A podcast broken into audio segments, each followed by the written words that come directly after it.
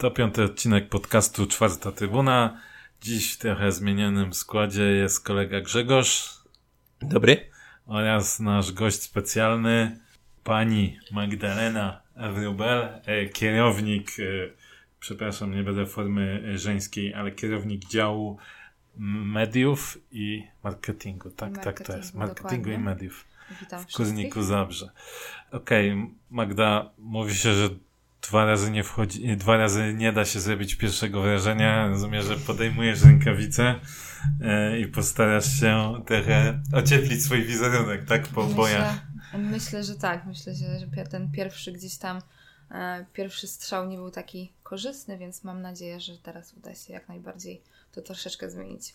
Okej. Okay. Dobra, to sobie teraz porozmawiamy mm, o rzeczach. Pytanie, jak e, w ogóle tematy sportowe u Ciebie? Czy tam ocena meczów, coś, e, coś tam się interesujesz, czy, czy tak nie bardzo? Myślę, myślę, że ogólnie gdzieś tam, biorąc pod uwagę, że od kilku lat pracuję w piłce nożnej, to, to raczej gdzieś tam ta, ta, ten sport stoi na gdzieś tam ważnym miejscu w moim życiu. Natomiast y, biorąc pod uwagę, że jestem pracownikiem klubu, to nie wiem, czy gdzieś tam ocena spotkania y, będzie korzystna w mojej dzisiejszej wypowiedzi.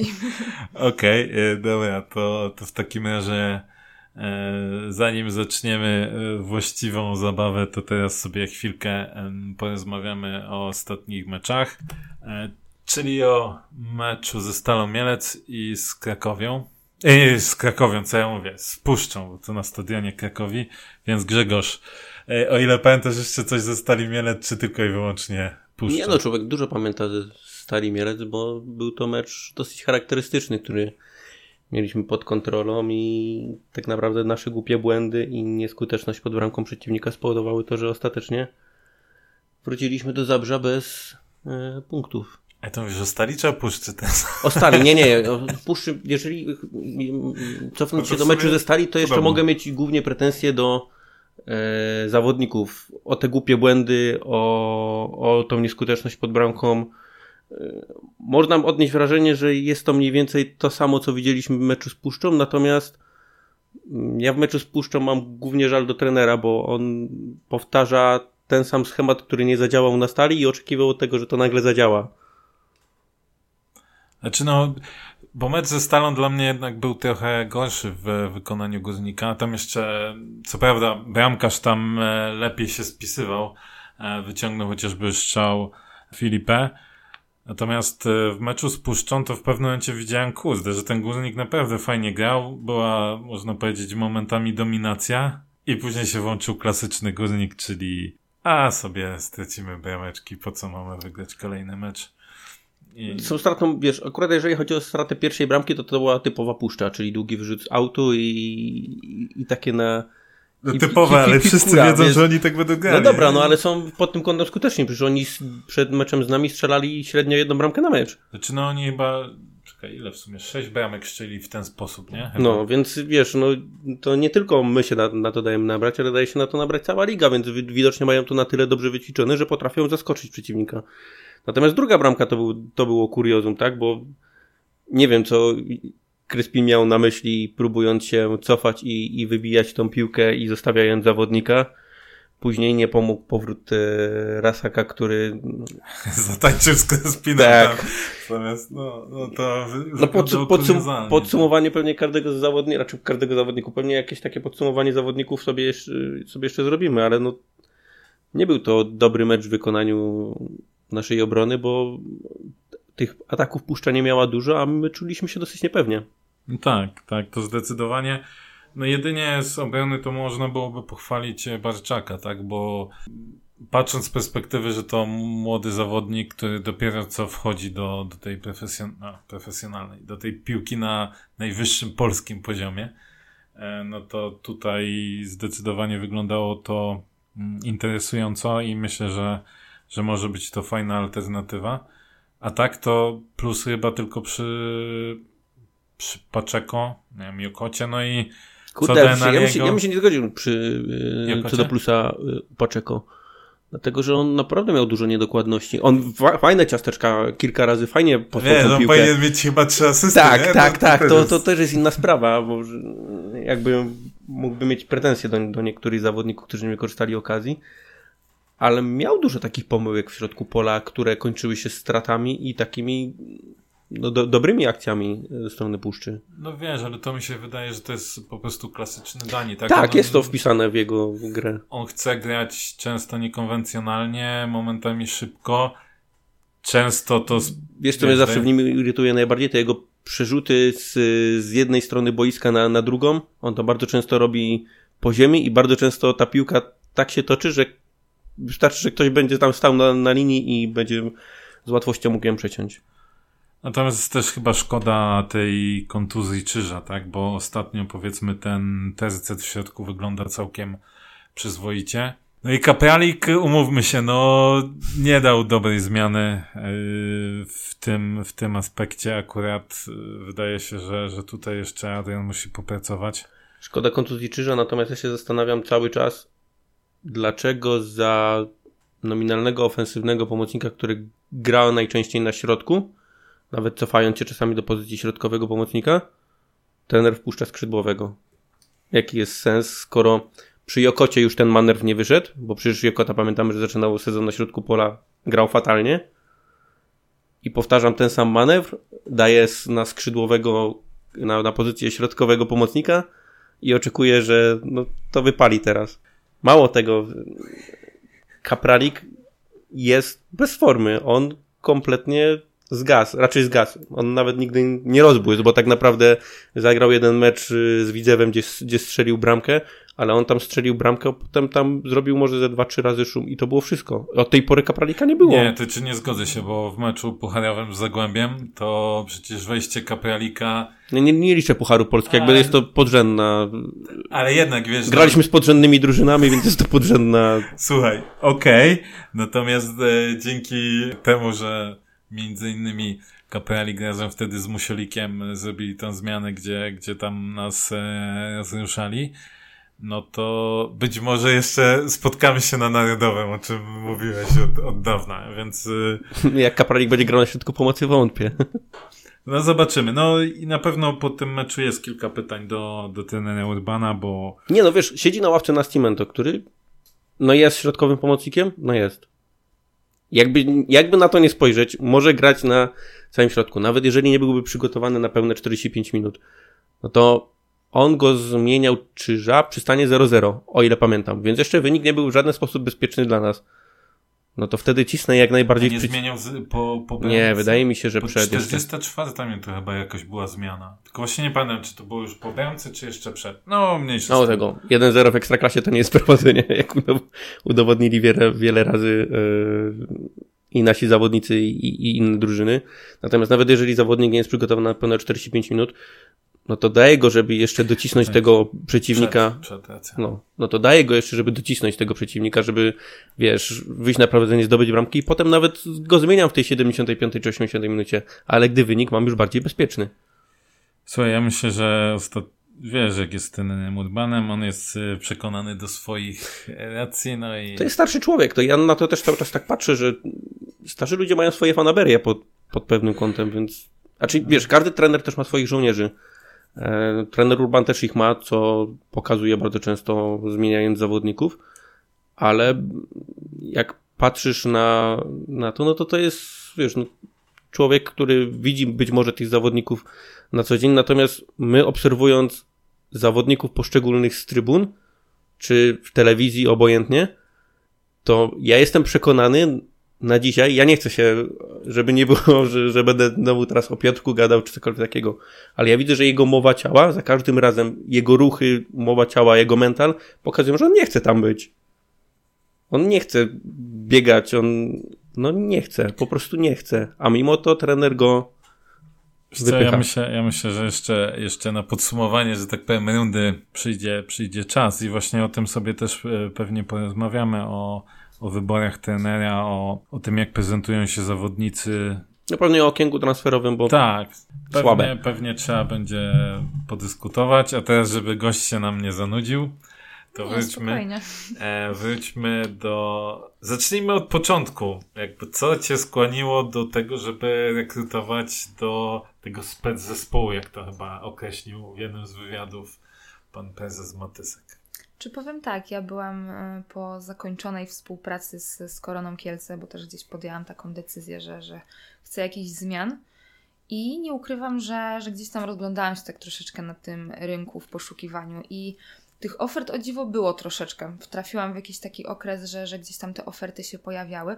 No wiadomo, że jak widzi się ofertę z Górnika Zabrze, to raczej ciężko byłoby z niej nie skorzystać. Stwierdziłam, że, e, że to może być fajne miejsce, żeby się rozwinąć, fajne miejsce, żeby spróbować czegoś nowego i przede wszystkim troszeczkę się wykazać, bo biorąc pod uwagę gdzieś tam potencjał klubu, myślę, że myślę, że jest to jak najbardziej e, wykonalne. Więc nie z prostszego, po prostu wysłałam, wysłałam CV i czekałam na, na telefon. Jak się okazało, telefon został wykonany. E, rekrutacja była dosyć trudna, w sensie trudna. Na pewno była dosyć ciekawa, w sensie nie spotkałam się jeszcze z taką e, kilkuetapową rekrutacją prowadzoną w bardzo fajny sposób, bo z tego co wiem CV było ponad 130, więc zainteresowanie było całkiem, całkiem spore. Mm, natomiast pierwszy etap rekrutacji był prowadzony przez pracowników, więc to oni jakby dobierali sobie te osoby na zasadzie tak, żeby wpasować sobie ten zespół trochę może w ich potrzeby, w to, czego gdzieś tam oczekują i czego poszukują. Fajne było też to, że te trzy osoby, które prowadziły rekrutację, każda z nich była z innego działu, więc fajnie to się naprawdę bardzo uzupełniało. Z tego co wiem, e, wybrali 12 osób, które później zostały przekazane, że tak powiem, w dalszy proces rekrutacji do, do zarządu. Nie wiem, na ile się orientujesz, e, czy orientowałaś, zanim przyszłaś do górnika w, e, w tym, jak wygląda ten klub, ale jesteś chyba pierwszą osobą, którą spotykam, która mówi, że rozwinie skrzydła w górniku, znając sytuację klubu i, i, i właścicielstwa. Tu bardziej chyba chodzi o to, że patrzę na to w kategoriach jakby prestiżu klubu samego, tak? Myślisz sobie, wiesz, 14-krotny mistrz Polski to jednak jest miejsce, w którym naprawdę można, można pokazać i, i zrobić dużo. Jednak tak. Można no, byłoby, tak, zgadzam się. Jednak tak, obserwowałam gdzieś tam sytuację, bo pracując i w ekstraklasie i wcześniej jednak jak człowiek gdzieś tam funkcjonuje w tym środowisku piłkarskim, to logiczne, że gdzieś tam jest na bieżąco z tym, z tym co się dzieje, więc, więc raczej było to dostrzegalne, że potencjał jest duży. Jak, jak spojrzymy w twoje CV, które już jakby latało trochę tak, po, trochę po sieci, to widzimy specjalistę do spraw marketingu i PR-u w Zagłębiu ponad dwa lata i specjalistę do spraw mediów społecznościowych i komunikacji w Koronie półtorej roku. To już jakby jest też czas taki, w którym można jakby zaprezentować swoje, swoje umiejętności, jakiś tak e, swój znak jakości i Piłkarze często kibice mm, oceniają po tym, co widzą na, na boisku, działaczy po szeroko pojętym zarządzaniu klubem, na specjalistów tak ciężko ocenić. Czy ty mogłabyś przedstawić jakby kibicom Górnika coś, co właśnie z, jakieś działania z Sosnowca, z Kielc, pod którymi mogłobyś się właśnie w 100% podpisać, powiedzieć, no to, to był mój pomysł albo moje wykonanie, tym, e, że tak powiem, zasłynęłam, tak, w tamtych, e, w tamtych rejonach. Czy wydaje mi się, że jakby jeśli chodzi o działy marketingu i generalnie biuro prasowe, to w większości i w wielu przypadkach raczej jest to praca zespołowa. To jest tak, że są te osoby, szczególnie jak gdzieś tam mm, ten dział nie jest tak usystematyzowany, że ma tam jakiegoś kierownika i osobę, która, która tym kieruje. Tak było chociażby w Zagłębiu Sosnowiec, że tam było nas naprawdę mało i gdzieś tam tam zaczynałam stawiać te swoje takie pierwsze kroki i w biurze prasowym i w marketingu. Swoją drogą bardzo dużo nauczyłam się od Jurka Muchy, który swego czasu był rzecznikiem w, w Górniku Zawrze i, i zawsze gdzieś tam dobrze wspominał ten okres pracy tutaj. Mm, więc wydaje mi się, że, że w Sosnowcu to była bardzo gdzieś tam też praca jakaś zespołowa, plus okres, który tam spędziłam, nie należał też do łatwych, bo to było po spadku z, z ekstraklasy i, i tam raczej ten klimat też był taki dosyć, dosyć ciężki. W Kielcach jest raczej podobnie. My tam akurat robiliśmy sporo akcji, jeśli chodzi chociażby o zapełnianie, zapełnianie stadionu, bo, bo korona też była gdzieś tam po, po jakichś tam zmianach. W tej pierwszej lidze fajnie się zaczęło, później było troszeczkę, troszeczkę gorzej i był ten problem, żeby się nawet złapać, złapać na te baraże, ale wydaje mi się, że tam wykonaliśmy kawał takiej dobrej roboty, jeśli chodzi o zapełnianie tego stadionu, że wróciła wtedy taka moda na, na koronę.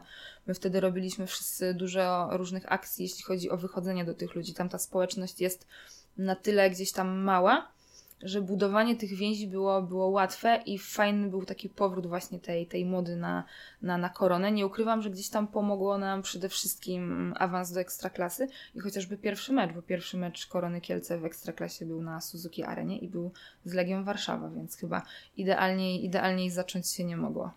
Okej, okay, rozumiem, czyli, e, czyli jesteś graczem zespołowym, tak? Nie chcesz swoich e, sukcesów. Mi się, wydaje mi się, że chyba większość klubów tak funkcjonuje, że za każdym razem, kiedy jest chociażby jakaś akcja marketingowa, to raczej chyba ciężko, żeby jedna osoba się chciała lub mówiła o tym głośno, że to jest jakaś moja Nie zasługa. wiesz, tu nie, chodzi, tu nie chodzi o to, żeby się stricte chwalić, tak? No bo, bo myślę, że w każdym zespole jest to fajnie przyjmowane E, tak jak mówisz, tak, że, że to jest wspólny sukces i tak dalej. Bardziej chodzi jakby o to, no, żeby kibice poznali jakieś, e, jakieś właśnie twoje, twoje działania wiesz, jaka opinia o tobie, że tak powiemy, tak, panuje.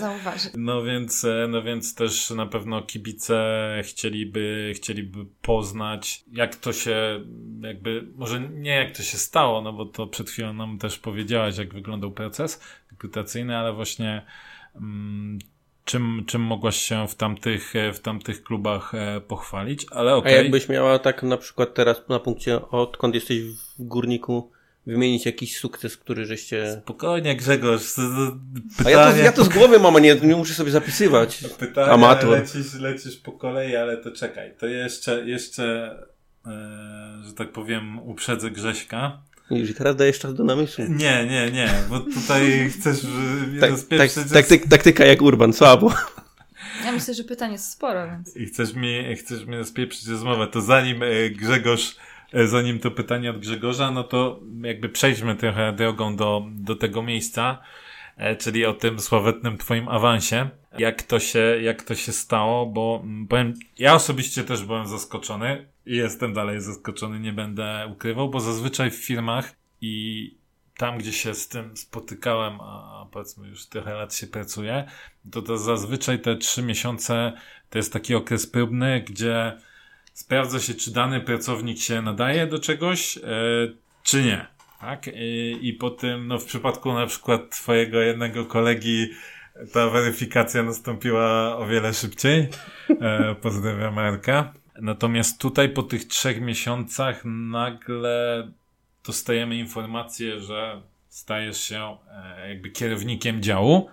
Co oczywiście to nie jest tak, że takie rzeczy się nie mogą zdarzyć, nie? natomiast e, nie, nie zaobserwowałem i wydaje mi się, że nie zaobserwowaliśmy przez te trzy miesiące, żeby działania górnika pod kątem marketingu poszły nie wiadomo jak do przodu. Okej, okay, na pewno był, e, był jakiś progres, bo też no, jakby nie czym się tego się spodziewaliśmy po tym, jak przyszły nowe osoby i, i gdzieś tam ta ilość osób się zwiększyła. Natomiast nie można powiedzieć, że nastała jakaś nowa jakość, tak? Więc to po prostu trochę się tak, powiedziałbym, gdzieś gryzie ze sobą. Jak to się stało, że po prostu ty dostałaś ten, ten awans? Czym, czym przekonałaś do siebie zarząd? Jaką wizję postawiłaś? Jakbyś mogła trochę nam o tym powiedzieć, bo to tego kibice są również bardzo ciekawi. Czy na pewno nie będę gdzieś e, czarować, bo rzeczywiście ten okres trzech miesięcy, który spędziłam, jest naprawdę bardzo krótki, więc, więc ja gdzieś tam jakby bardzo się cieszyłam, że ta praca, którą gdzieś tam może wcześniej wykonałam i jakieś doświadczenie, którego po prostu nabyłam, zostało w pewnym momencie docenione i jakby najbardziej chyba doceniałam jakby to zaufanie, którym gdzieś tam mnie, mnie obdarzono. Wydaje mi się, że biorąc pod uwagę, że gdzieś tam ta rekrutacja była, pojawiły się te nowe osoby, mm, dział zrobił się troszeczkę większy i rzeczywiście brakowało po prostu kierownika. Gdzieś tam zdawaliśmy sobie sprawę, że każdy dział go potrzebuje, bo są sytuacje, w których ktoś gdzieś tam te decyzje musi podjąć lub po prostu tym działem jakoś, jakoś pokierować. Z osób nowych mm, miałam największy staż i, i gdzieś tam doświadczenie, a z tego co wiem, osoby z większym stażem yy, po prostu jakby nie były zainteresowane pełnieniem tej funkcji, bo to też nie jest tak, że pojawiłam się po prostu znikąd i, i nagle spadłam po prostu jak gwiazdka z nieba i zostałam kierownikiem, bo to też nie jest tak, że przyszłam i to był taki pierwszy, że tak powiem, wybór, bo wiem, że gdzieś tam były propozycje kierowane do innych osób, które to doświadczenie w górniku mają znacznie większe i na pewno gdzieś tam to pole popisu do popisu byłoby też, też dużo większe. Mm, no ale one nie chciały gdzieś tam mm, wziąć, wziąć tego stanowiska. E, więc e, to też nie jest tak, że w ciągu właśnie tych trzech miesięcy Bóg wie, co zrobiłam, bo też jak wspomnieliście, mm, liczba osób w górniku i to, jak była wykonywana praca, na pewno mogła zostać zrobiona lepiej. Więc tych rzeczy do poprawy gdzieś tam u podstaw, że tak powiem, było dużo, chociażby przykład, nie wiem, głupich sesji zdjęciowych, tak, gdzie po prostu wizualnie gdzieś tam w Kanal Plusie nie wyglądaliśmy dobrze, tak, wyglądaliśmy wręcz tragicznie, ale wiadomo, że wpływ na to miało wiele sytuacji, zaczynając od, od koszulek jakby, tak, i, i gdzieś tam całego tego zamieszania, więc dużo było takiej pracy do wykonania, której gdzieś tam na co dzień rzeczywiście nie widać. Musieliśmy sobie bardzo usystematyzować pracę działu, obsługę w ogóle social mediów i, i tego wszystkiego, bo panował duży chaos, więc tak jak mówię, to też nie jest tak, że ja nagle zacznę wyliczać, co zrobiłam w ciągu tych trzech miesięcy, bo to byłyby takie naprawdę rzeczy u podstaw, tak? Chociażby ta wspomniana wcześniej, wcześniej sesja, czy gdzieś tam mm, praca, żeby to wszystko było systematyczne, bo to też na pewno rzecz, na którą możemy zwrócić uwagę. Te social media póki co nie są, Bóg wie jakie super, bo nie są i to też można jakby głośno powiedzieć, bo tu nie ma co, co czarować i wymyśleć jakichś niestworzonych rzeczy, ale wydaje mi się, że zaczęło to wszystko po prostu na razie fajnie, systematycznie funkcjonować. I wydaje mi się, że też moment, od kiedy jestem kierownikiem, bo też nie jest on jakiś bardzo długi i cała ta sytuacja, która aktualnie, mm, aktualnie jest związana z klubem, zarówno finansowa, jak i, jak i inne jakieś tam sytuacje, no póki co nie, nie ułatwiają nam pracy, więc to też nie jest tak, że nagle przyjdę z kartką i będę wyliczyć, jakie super akcje zrobiłam, bo niestety nie było tego za wiele i jakby wszyscy, wszyscy w klubie, w dziale zdajemy sobie z tego sprawę i jakby liczymy, że ta sytuacja się, że tak powiem, z dnia na dzień unormuje, żebyśmy mogli w końcu zacząć funkcjonować tak jak chcemy, bo, bo założeń i planów mamy dużo i gdzieś tam poczynając chociażby od, od przyszłej rundy, bo myślę, że że to tam można zacząć jakąś strategię, bo wszystkie teraz działania, wiadomo, są skupione na najbliższym meczu jubileuszowym. Wiadomo, wcześniej też jest mecz barburkowy, więc na tym się trzeba skupić, ale jeśli chodzi o jakieś takie bardziej zaangażowane i, i bardziej wymagające działania, no to myślę, że to wszystko będzie, że tak powiem, rozpoczęte od przyszłej rundy, tak aby ten marketing opierał się na tych meczach domowych, bo uważam, że jakikolwiek marketing, który powinien być budowany wokół klubu, powinien być budowany wokół wydarzeń, które dzieją się na, na arenie Zabrze, że to jest taki wyznacznik, że każdy mecz powinien mieć otoczkę takiego pewnego rodzaju święta, bo, bo jednak wiemy, że ta, że ta frekwencja i ten kibic jest dla nas, dla nas najważniejszy. To jeszcze, to jeszcze sobie o frekwencji kibicach porozmawiamy, to jeszcze kontynuując ten, ten temat, czemu twój awans nie został w żaden sposób ogłoszony przez, e, przez klub? To jest powiem, bardzo dziwne z perspektywy kibica, jeśli obserwujemy komunikację innych klubów, czy, czy social media innych klubów. Zazwyczaj takie, oczywiście o specjalistach często się nie mówi, tak? Natomiast już kierownicze stanowiska właśnie, a tak e, powiedzmy istotne jak osoby odpowiadające za marketing czy za, za media, no to jednak są komunikowane. A tutaj tak naprawdę dowiedzieliśmy się z update'u na stronie e, internetowej. Z waszego tweeta, którego tak, tak, tak, ale to właśnie z update'u na stronie internetowej w zakładce bodajże kontakt. E, tak, to tak jest. Y, znaczy, powiem szczerze, nie wiem. Nie wiem, dlaczego się tak stało. Nie wiem, czy to była kwestia, że te zmiany zaszły, zaszły tak szybko, czy, czy kwestia, że rzeczywiście wywołałoby to już taką wstępną lawinę dotyczącą tego mojego CV nie wiem, jakby w chwili obecnej chyba sama też jakby nie, nie myślałam o tym, żeby to ogłosić, bo tak jak gdzieś tam było też sporo jakichś tam komentarzy w moim kierunku, że bio niezaktualizowane, jakby nigdy, nigdy nie zastanawiałam się nad tym, żeby to zaktualizować jak najszybciej i, i dbać o to, bo tak jak mówię, to był jakiś taki moment, że, że tej pracy było dużo, to się po prostu stało, potem spadło tej pracy gdzieś tam jeszcze więcej i może sama powinnam to gdzieś tam zakomunikować na zasadzie dać znać, że powinniśmy to zrobić, ale może gdyby to dotyczyło kogoś innego, byłoby mi łatwiej. A tu gdzieś tam chyba to była kwestia, że nie chciałam robić sobie jakiejś takiej autoreklamy, ale z perspektywy czasu, jak się na to spojrzy, to, to rzeczywiście gdzieś tam takie zmiany i nawet jak gdzieś tam rozmawialiśmy tak trochę teraz zakulisowo, że, że uważam, że gdzieś tam powinniśmy wychodzić bardziej do kibiców i po prostu informować ich o tym, co się dzieje, bo to, że będziemy bardziej otwarci, myślę, że tylko może poprawić nasz, nasz wizerunek, a biorąc pod uwagę, że pracujemy i robimy wszystko jakby z myślą o kibicach, no to myślę, że takie zmiany, szczególnie tak jak zwróciłeś uwagę, dosyć kluczowe, powinny być komunikowane. No bo to nie tak naprawdę patrząc z perspektywy czasu, to nie tylko ten brak twojej komunikacji, czy raczej komunikacji o tobie, bo, bo niekoniecznie to, to musiałaś e, ty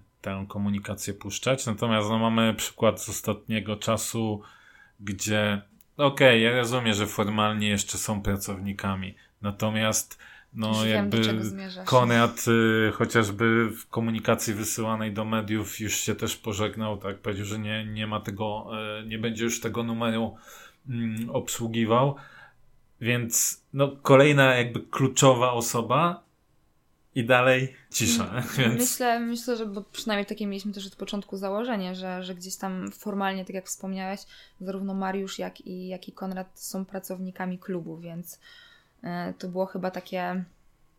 E, nie zgraliśmy się chyba, nie wiem, nie wiem z czego to wynika informacyjnie, że gdzieś tam z jednej strony ta informacja poszła, a my, tak jak mówię, e, nie puściliśmy tego, bo, bo tak jak już wspomniałam, no formalnie obaj panowie są jeszcze pracownikami klubu, więc jakieś takie podziękowania i, i, i podziękowania za ich współpracę na pewno się pojawią, tylko tak jak mówię, my gdzieś tam ze strony klubu planowaliśmy raczej, no bo Mariusz zakomunikował to też dużo wcześniej, no bo Mariusz tak. ten okres wypowiedzenia też miał dłuższy, bo on tam miał trzy miesiące, u Konrada to była kwestia po prostu, że, że ta umowa się mm, jakby skończyła, tak? No tak, no ale właśnie tu jakby mówimy o sobie, no bo jakby z całym szacunkiem do Mariusza, no to chociaż jest znany ze względu głównie na, na te koszulki, super koszulki, które, które projektował. Natomiast jednak Konrad, osoba pełniąca dość istotną funkcję w Górniku, no i słabo to wygląda w momencie, kiedy on już się żegna z mediami, wysyła i uważam, że słusznie informację, że jakby już nie będzie obsługiwał, więc trudno, żeby też dzwonić do niego i oczekiwać jakby odpowiedzi od niego czy wysyłać mu maila, bo być może już ta skrzynka nie istnieje. W albo... dalszym ciągu ktoś jak dzwoni na A. telefon Konrada i go odbieram, to jest takie delikatne zdziwienie, że to już jest no, kobiecy głos. No właśnie, nie? Więc, Czyli... więc jakby tutaj jakby no jest, jest to dziwne, i znów jest to trochę dziwne, że jest pewna sytuacja, która gdzieś tam pojawiła się już wcześniej, e, uwagi na temat niekomunikowania, po czym ponownie nie komunikujemy takich rzeczy, tak? Więc no, nie wygląda, nie wygląda to, to za dobrze. I trochę teraz bym wrócił do tego pytania Grześka, chociaż już e, spróbowała się trochę zbić. Natomiast e, podczas tej naszej, podczas nie wiem jak to powiedzieć, chyba początku tego, jak się znalazłeś tutaj w podcaście, czyli jakieś tam wymiany e, na, na Twitterze. Mm, jeden z postów, który, który gdzieś wrzuciłem, i to było to, czego oczekiwali kibice, to było e, informacja od szefa marketingu Pogoni, który jakby po miesiącu zrobił takie podsumowanie, co, co udało się za ten okres zrobić. Widziałem, że tego jakby kibice Guznika też, też oczekiwali, żeby, żebyś trochę się podzieliła.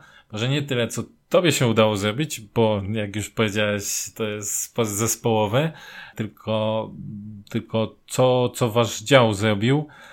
No jednak chciałbym tutaj, żebyś, żebyś się trochę nad tym pytaniem pochyliła, no bo jednak już można powiedzieć, że minęły prawie dwa miesiące, tak? E, więc więc pewnie już jakieś rzeczy się udało zrobić. Rozumiem, że część z nich może nie być, jak to się mówi, sexy, typu właśnie ułożenie jakichś e, zasad funkcjonowania, ale fajnie by było, jakbyś jednak, jednak kibicom e, cokolwiek na ten temat spróbowała powiedzieć. Znaczy to jest chyba takie trochę szczęście w nieszczęściu, bo cała ta sytuacja, która została wywołana gdzieś tam mm, moją osobą, zwróciła też fajnie uwagę jakby na potrzeby kibiców, bo o tym może i wcześniej się mówiło, ale chyba nie aż na tak dużą skalę, żeby to było aż tak bardzo mm, dostrzegalne. Natomiast teraz gdzieś tam przez tą falę tych komentarzy, które gdzieś tam się zapętlały i pojawiały się bardzo często, jakby mieliśmy duży taki odzew chociażby tego, czego oni oczekują względem nas, naszej pracy, więc y, to gdzieś tam... To, to ja szybko przerwę, bo tych komentarzy było od kilku lat. Co ja myślę, że twoi przełożeni, że tak to powiem, tak doskonale wiedzą, bo już no nie No to ja się gdzieś wypowiadam na tym, na tym okresie, w którym gdzieś tam ja tutaj jestem i, i tak jak mówię, gdzieś tam rzeczywiście może od lipca te komentarze były, tylko to chyba rzeczywiście, nie wiem, czy była potrzebne jakieś takie zderzenie ze ścianą. Szkoda, że to ja się musiałam z nią zderzyć, ale tak jak mówię, mam nadzieję, że to wszystko wyjdzie wyjdzie na plus. Jeśli chodzi o jakieś takie rzeczy, które zrobiliśmy, tak jak mówiłeś, o tych takich mniej, mniej fajnych, no to zaczynając gdzieś tam od tych sesji po usystematyzowanie pracy działu, czy w ogóle jakieś takie ułożenie obowiązków, bo, bo do tej pory to funkcjonowało i pewnie w wielu klubach tak funkcjonuje, że każdy robi wszystko, więc y, z jednej strony to jest fajne, bo gdzieś tam każdy może się pokazać na różnej płaszczyźnie, ale koniec końców to jest tak, że, że brakuje potem tych osób, które stricte zajmują się tym, czym, czym powinny. Więc zaczynając od takich zwykłych rzeczy, jak właśnie te usystematyzowanie pracy, wydaje mi się, że że chociażby udało nam się, nie wiem, spot na raków był, był fajny, który gdzieś tam wymagał od nas też jakiejś tam pracy, zaangażowania. Wydaje mi się, że fajnie, że znowu wróciliśmy. To są takie naprawdę proste rzeczy, jak chociażby wróciliśmy do tych szkół, bo, bo tych akcji i jakby telefonów, które gdzieś tam odbieramy i, i chętnych do, do tego, żeby ich odwiedzić, że, że chcieliśmy zacząć robić to cyklicznie, tak? Teraz gdzieś tam troszeczkę niestety zostało to wszystko zaprzestane. Jakieś tam lekcje na stadionie, zwiedzanie tego stadionu. Więc... Kiedyś już słyszałem obietnicę od takiego jednego pana, który w zarządzie w tej chwili siedzi, że oni do szkół to już teraz będą cały czas iść. No, my zaczęliśmy, było to, było to regularne, tak jak mówię. To też było, po dwóch miesiącach chyba się skończyło. Sytuacja, sytuacja zarówno gdzieś tam finansowa i, i, i, i to, co się gdzieś tam dzieje wokół klubu, troszeczkę nam, że tak powiem, podcięło jakieś tam możliwości, ale to też nie jest tak, że zamykamy się i, i nic nie robimy, chociażby ostatni spot barburkowy, który też zakładał troszeczkę y, inną wizję tego, jak on będzie wyglądać końcowym efekcie musiał wyjść tak, a nie inaczej, ale to jest na zasadzie, że po prostu staramy się gdzieś wewnętrznie robić wszystko, żeby, żeby to zaczęło fajnie funkcjonować. Teraz jest jakby o tyle ciężko, że tak jak mówię, cała ta sytuacja jest już e, końcówka, końcówka e, rundy i, i raczej całe teraz swoje siły skupiamy na, na 75-leciu, no bo to jest taki najważniejszy punkt e, w tym roku, więc, więc tak jak mówię, gdzieś tam mam nadzieję, że, że od przyszłego roku jak już, że tak powiem, zakończymy, zakończymy ten rok 75-leciem, no to że od przyszłego roku będziemy mogli rzeczywiście wdrożyć te wszystkie działania, które, które mamy zaplanowane. Okej, okay, to za chwilę jeszcze sobie o te zaplanowane e, działania mm, zahaczymy. E, to jakbyś mogła pokrótce przedstawić, jak, jak obecnie wygląda Twój zespół, jak wygląda zespół e, marketingu, czy mediów i marketingu i, i jakby jak to strukturalnie jest złożone, bo rozumiem, że ty w tej chwili też pełnisz obowiązki rzecznika, tak? Więc tak. Jak, jak to, jak, jak wygląda podział, kto, może nie tak dokładnie szczegółowo, natomiast kto, ile osób jest i kto za co, za co odpowiada, no bo tak jak wspomniałeś, było tak, że każdy robił wszystko, więc jeśli zostało coś unormowane, ustrukturyzowane, no więc byśmy chętnie poznali, jak to teraz wygląda. Więc tak, więc mamy Adę, która zajmuje się takim marketingiem rozumianym w różnych też akcjach, współpracy też ze sponsorami i tym, jakie tam według nich mamy wobec nich zobowiązania, więc ona jakby tego wszystkiego, wszystkiego pilnuje. Mamy Kacpra, który zajmuje się stricte social mediami i, i też wiadomo pisaniem tekstów, bo to jest gdzieś tam po, powiązane razem mamy Bartka, który, który jest od wszystkiego, że tak powiem, ale też raczej skupiamy się, żeby e, zajmował się głównie tym, w czym moim zdaniem jest najlepszy, czyli wszystkie po prostu kwestie historyczne, które ma po prostu w małym palcu i mam wrażenie, że w środku nocy jest w stanie wyrecytować najważniejsze daty i wydarzenia. Bartek też wiadomo prężnie działa, e, w, pomaga nam też przy tworzeniu wideo, bo wiadomo, że, że aktualnie nie mamy osoby, która byłaby na stałe, więc oprócz tego, że korzystamy gdzieś tam z, z pomocy Guliego, to Bartek też pomaga przy, przy wideo, no i wiadomo, jeśli chodzi o mecze drugiej drużyny czy, czy CLJ-ki. Mamy Kubę, który aktualnie zastępuje, czy zastąpił Mariusza, tak, więc zajmuje się, zajmuje się grafiką. Kuba pojawił się z początkiem miesiąca, chociaż już wcześniej przychodził wcześniej i gdzieś tam się, się wdrażał na, na meczach, bo też jest e, kibicem, kibicem górnika, mieszka w Rybniku, więc myślę, że to też gdzieś tam fajnie kwestia, kwestia czasu, gdzie troszeczkę się rozwinie i, i pokaże nam swoje umiejętności. Mm, czekamy na rzecznika prasowego, bo to jest rzeczywiście funkcja dosyć wymagająca. Więc rzeczywiście do momentu znalezienia nowej osoby jakby te obowiązki po, po Konradzie przejęłam, więc czekamy na rzecznika prasowego. E, cały czas też jest otwarta rekrutacja na wideo, bo tak jak mówię, wiadomo, że, że Guli robi super, super pracę, no ale szukalibyśmy jednak kogoś, kto będzie na stałe, bo nie ukrywam, że to bardzo by nam ułatwiło pracę i, i wyjście też do kibiców z tym kontentem, którego oni od nas oczekują, czyli tych wszystkich materiałów wideo, które po prostu czasami nie jesteśmy jakby w stanie zrealizować, chociażby ze względu na te zasoby y, osób, których po prostu nam jakby brakuje pod kątem operatora, operatora wideo. No i jest też y, Łukasz, który też zajmuje się marketingiem, ale bardziej takim rozumianym w postaci gdzieś tam reklam i, i tych zobowiązań wszystkich też wobec ekstraklasy i wszystkich tych band i takich tych kwestii, które są takie już bardziej też skomplikowane. A to można powiedzieć, że jak na warunki górnika, to całkiem solidny zespół. Oczywiście e, do czołówki ekstraklasy nam pewnie trochę, trochę brakuje, bo, bo pamiętam jak można powiedzieć nawet rozdmuchane były czasem zespoły e, głównie Legii, no ale czy myślę, że Lech e, tutaj też e, ma, ma spory zespół, no to jak na warunki górnika w ostatnich latach, no to zespół jest powiedziałbym całkiem spory. No, to kwestia... i oczekiwania tak, pewnie tak, też myślę, będą duże, myślę, czy są już duże.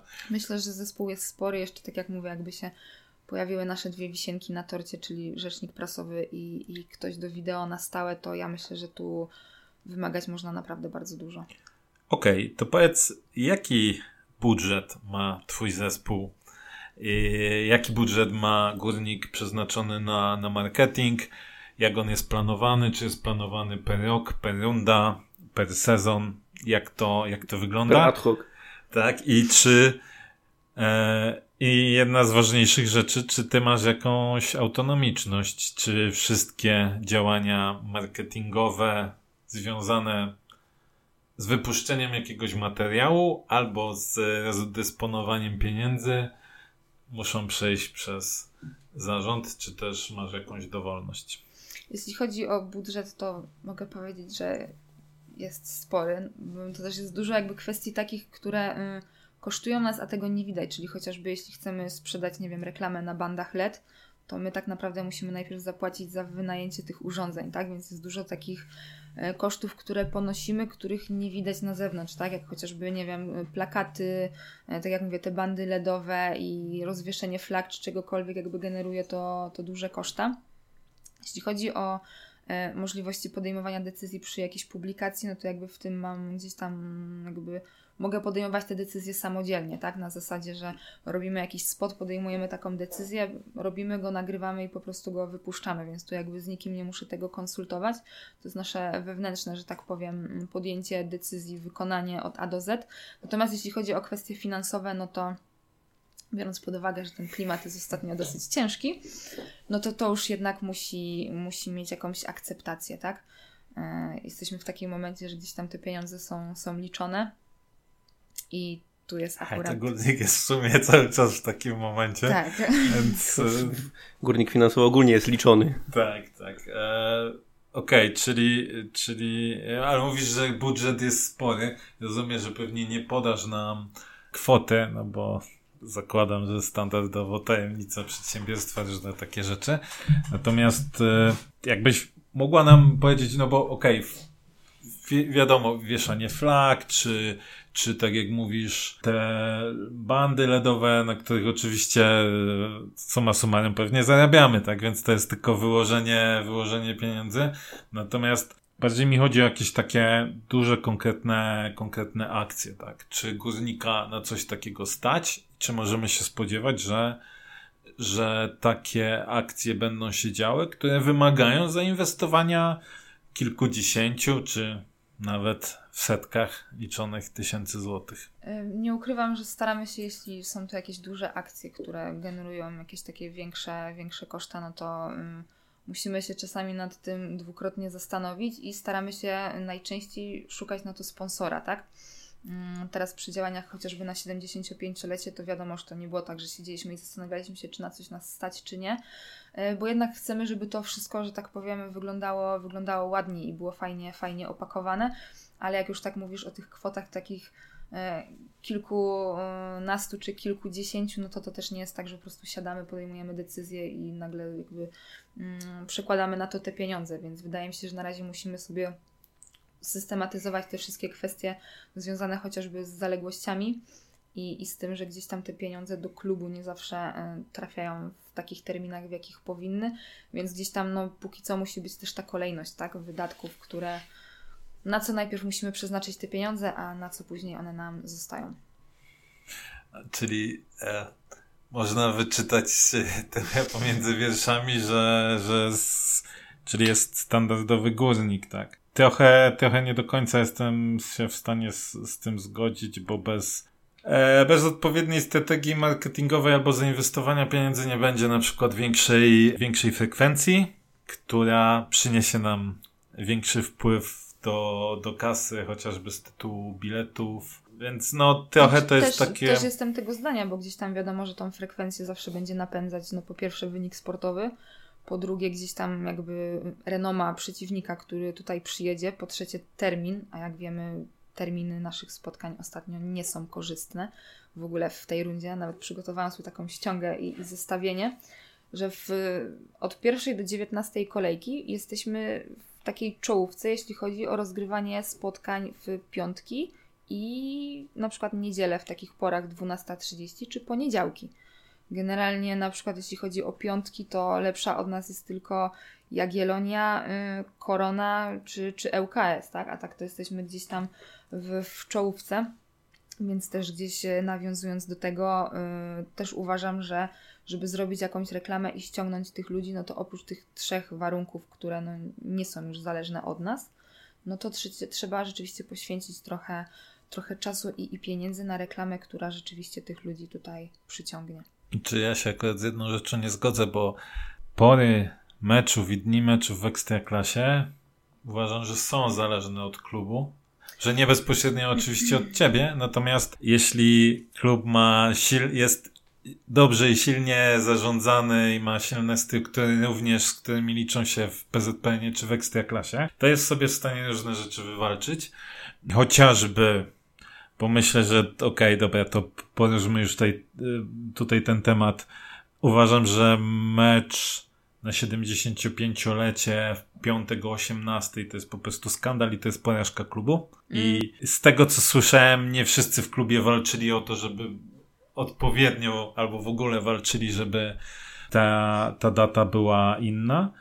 Bo oczywiście zdarzają się sytuacje, ja wiem, że klub podobno przedstawił na początku sezonu, z kim chciałby grać. Tak, tak, I, na, początku, i, na tak. początku sezonu było nie, było, nie pracowałam tutaj jeszcze, ale z tego co się zorientowałam, to na początku sezonu klub jakby wystosunkował takie pismo do ekstraklasy i tam była prośba, aby w ogóle ten mecz jubileuszowy był z, z ruchem Chorzów, tak?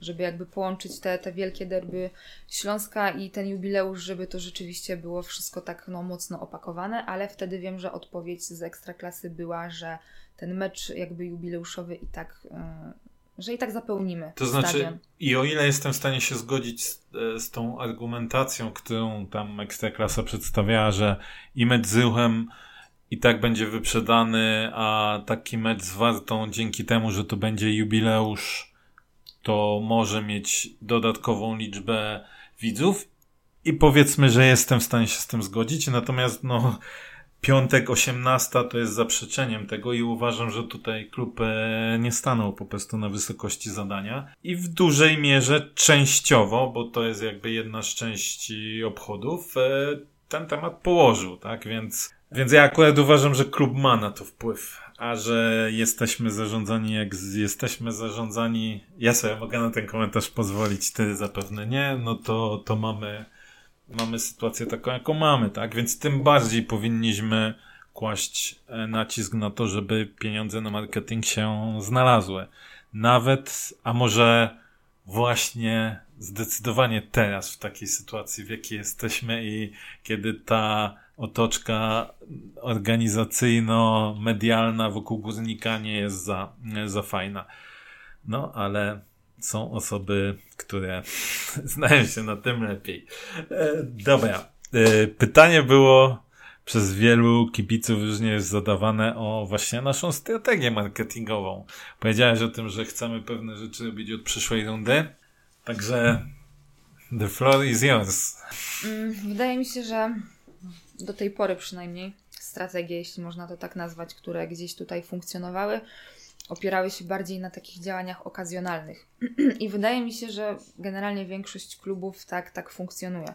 Tak jak mówię, teraz wszyscy gdzieś tam skupiamy się na tym 75-leciu, więc raczej z końcem, z końcem tutaj rundy raczej ciężko przygotować nagle strategię. Natomiast y, uważam, że od przyszłego sezonu to już jest to, co wspomniałam. Do tej pory jakby mm, opierać... Rundy. Rundy, rundy, tak, przyszłej rundy, przepraszam.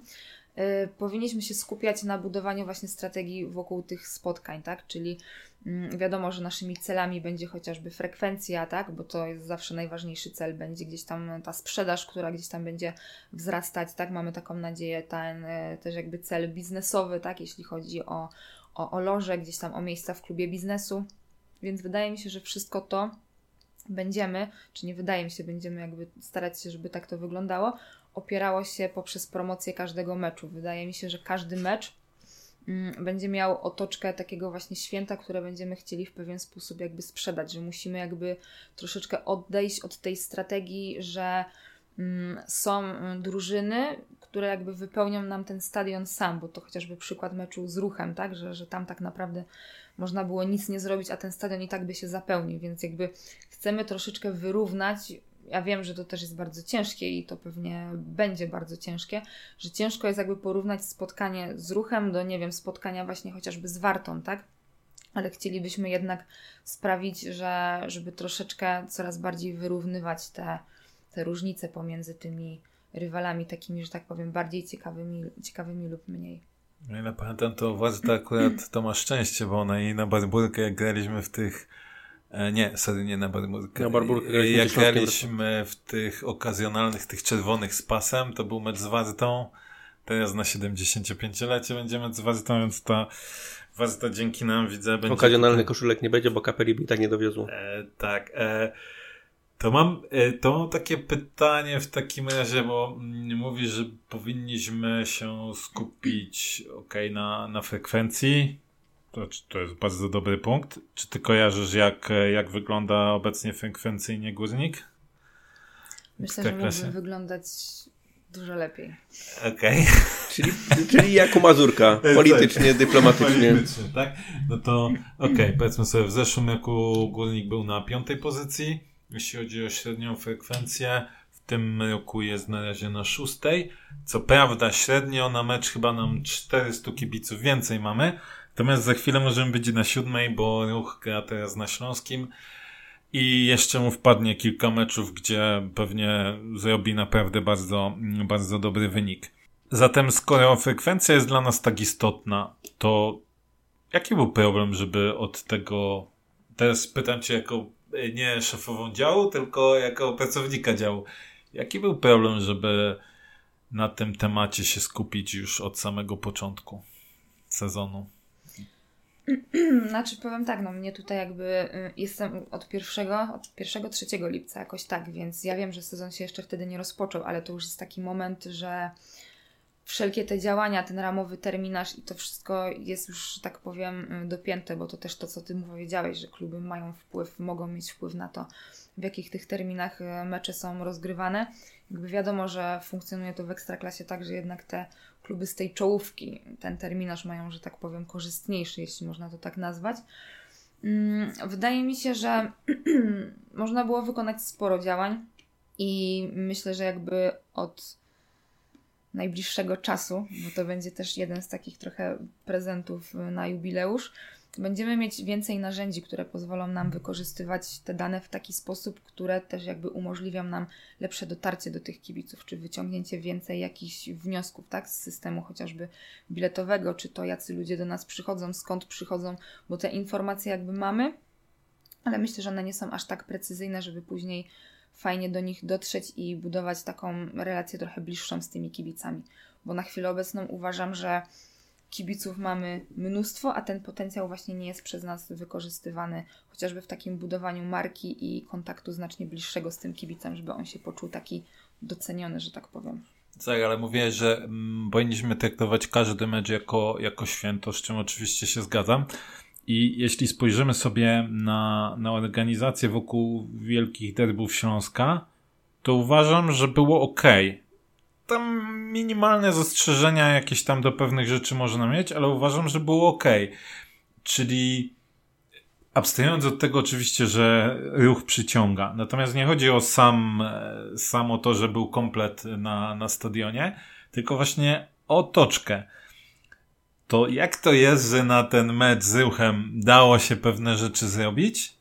Znów pytam cię jako pracownika działu marketingu, bo, bo wtedy jeszcze też za, za to jakby bezpośrednio nie odpowiadałaś, bo mecz był chyba we wrześniu, nie? Końcówka września.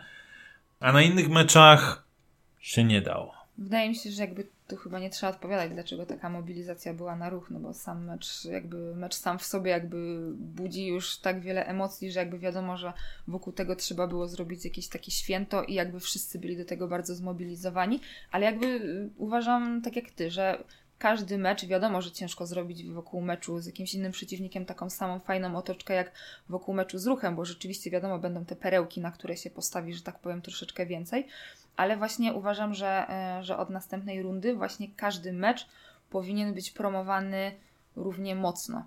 Tak, że, że wiadomo, że na pewno przyciągnie to kibiców, a i w pewien sposób jest medialnie o tym głośno, a jak jest głośno, to też jakby buduje to wiele gdzieś tam pozytywnych komentarzy, przez co jakby, no nie oszukujmy się, wokół kręci się wtedy jakiś taki viral, tak? Wszyscy o tym mówią, bo robi się wiele fajnych działań.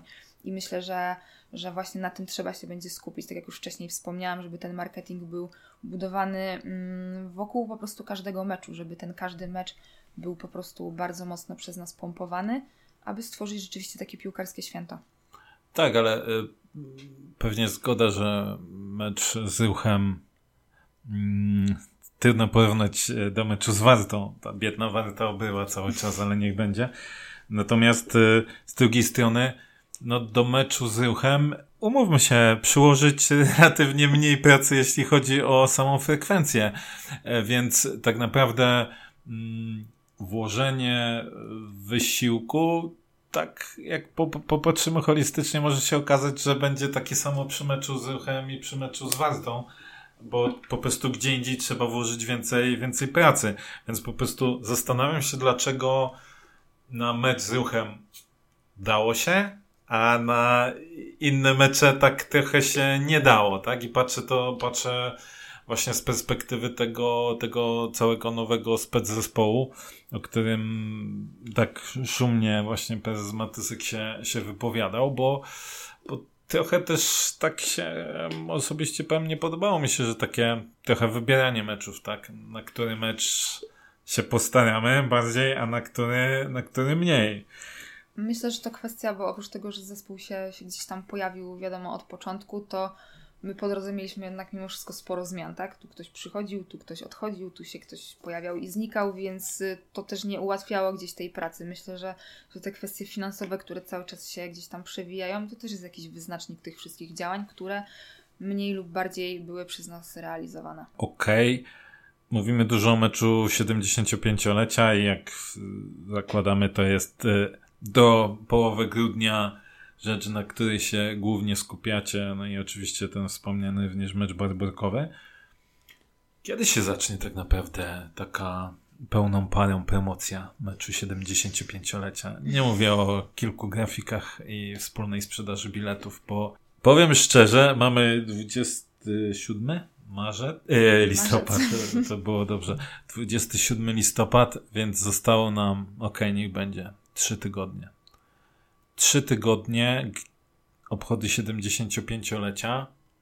Dla mnie osobiście w dużej mierze już jest to położone. Po prostu uważam, że jest położone. Nie jest to pierwszy raz, kiedy klub e, kładzie jakąś e, rocznicę. I zastanawiam się, po prostu już nie będę swoich żali tutaj wylewał, ale kiedy zaczniemy prawdziwą promocję tego święta?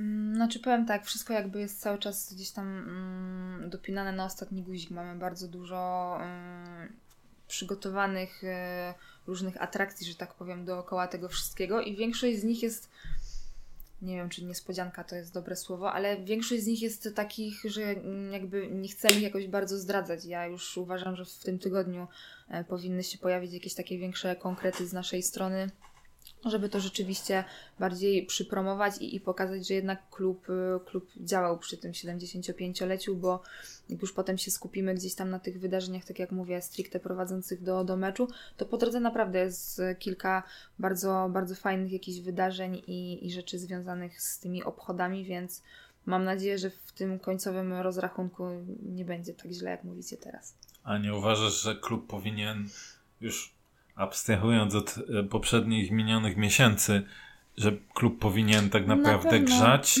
bo mm, moja e, uwaga i moja sugestia do klubu była taka, że powinniśmy zacząć grzać już dokładnie od e, 365 dni poprzedzających.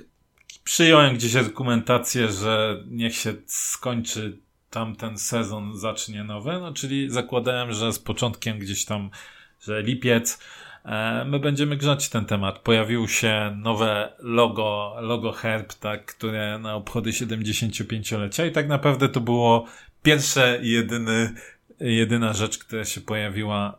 No i później to samo logo wylądowało na koszulkach kapeli, tak.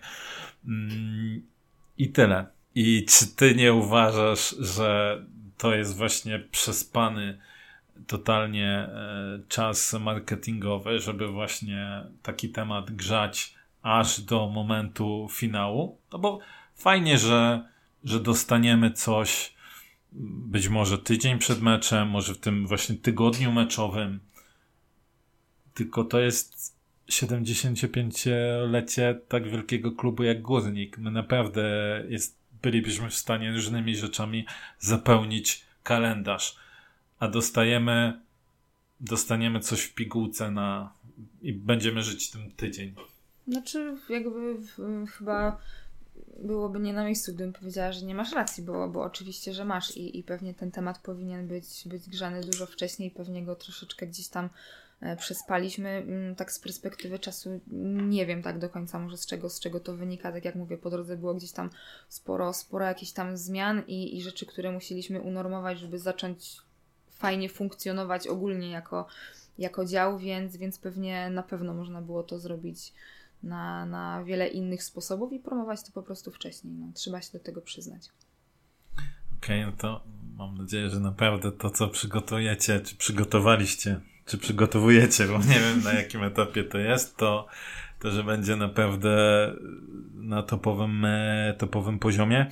Wspomniałaś o danych, z których będziecie mogli korzystać już też za niedługo. Um, no i właśnie z pytań od, od naszych e, słuchaczy, od kibiców było takie, z jakich narzędzi obecnie korzystacie, planując strategię, do jakich danych macie dostęp. Może od razu też Mm, jak, e, jak wygląda, może to niekoniecznie ta sama dana, ale e, biznesowo czy korporacyjnie powiemy KPI. -e. Jak, jak chcesz rozliczać swój dział z jakoś ze zrobionej czy z osiągniętych jakichś e, sukcesów, tak to nazwijmy. Znaczy to jest to, co wspomniałam, gdzieś tam do tej pory tych narzędzi i, i, i tego, z czego korzystamy, nie było zbyt wiele, chociażby właśnie przez to, że no, strona, z której korzystamy, no, do najnowszych gdzieś tam nie należy, tak? Więc, więc i te narzędzia i to wszystko, wokół czego gdzieś tam bazujemy, były, były trochę, trochę, że tak powiem, ubogie. E, skupialiśmy się, żeby wiadomo, po każdym meczu wyciągać gdzieś tam wnioski, gdzieś tam się chociażby przykład tych grafik tak frekwencyjnych gdzieś tam pojawił, że, że widzimy, że chociażby, nie wiem, na stadionie jest gdzieś tam coraz więcej kobiet, tych dzieciaków, tak, że gdzieś tam wychodzimy właśnie do tych, do tych szkół i staramy się jakby e, wyciągać z tego wnioski, żeby wiedzieć, gdzie można uderzyć, żeby tych kibiców ewentualnie gdzieś tam e, bardziej, bardziej przyciągnąć, tak? Chociażby te promocje, które były, że przy zakupie biletów tam pierwszeństwo mają karnetowicze, później tak? Posiadacze karty GZLP10, czy, czy ci, którzy byli na poprzednim meczu. I, i gdzieś tam jakby chyba mogę to zdradzić, że takim jakby ważnym też punktem w tym jubileuszu będzie nowa strona internetowa i, i nowa strona internetowa, oprócz tego, że, że będzie po prostu fajną y, taką otoczką, jeśli chodzi o wyjście naprzeciw do kibiców, to dla nas będzie też fajnym narzędziem, bo ona tam będzie nam umożliwiała jednak korzystanie z y, wielu innych takich funkcji, tak? Najpierw zaczniemy od strony internetowej, y, później też y, będziemy chcieli, żeby ten nasz sklep został tak troszeczkę zliftingowany, jeśli mogę tak powiedzieć, i zaktualizowany. Mm, żeby był też połączony przede wszystkim z systemem e, biletowym, żebyśmy mogli o tym naszym kibicu oprócz informacji biletowych mieć też informacje, co on w tym sklepie kupuje, żeby móc potem dostosować do niego, tak?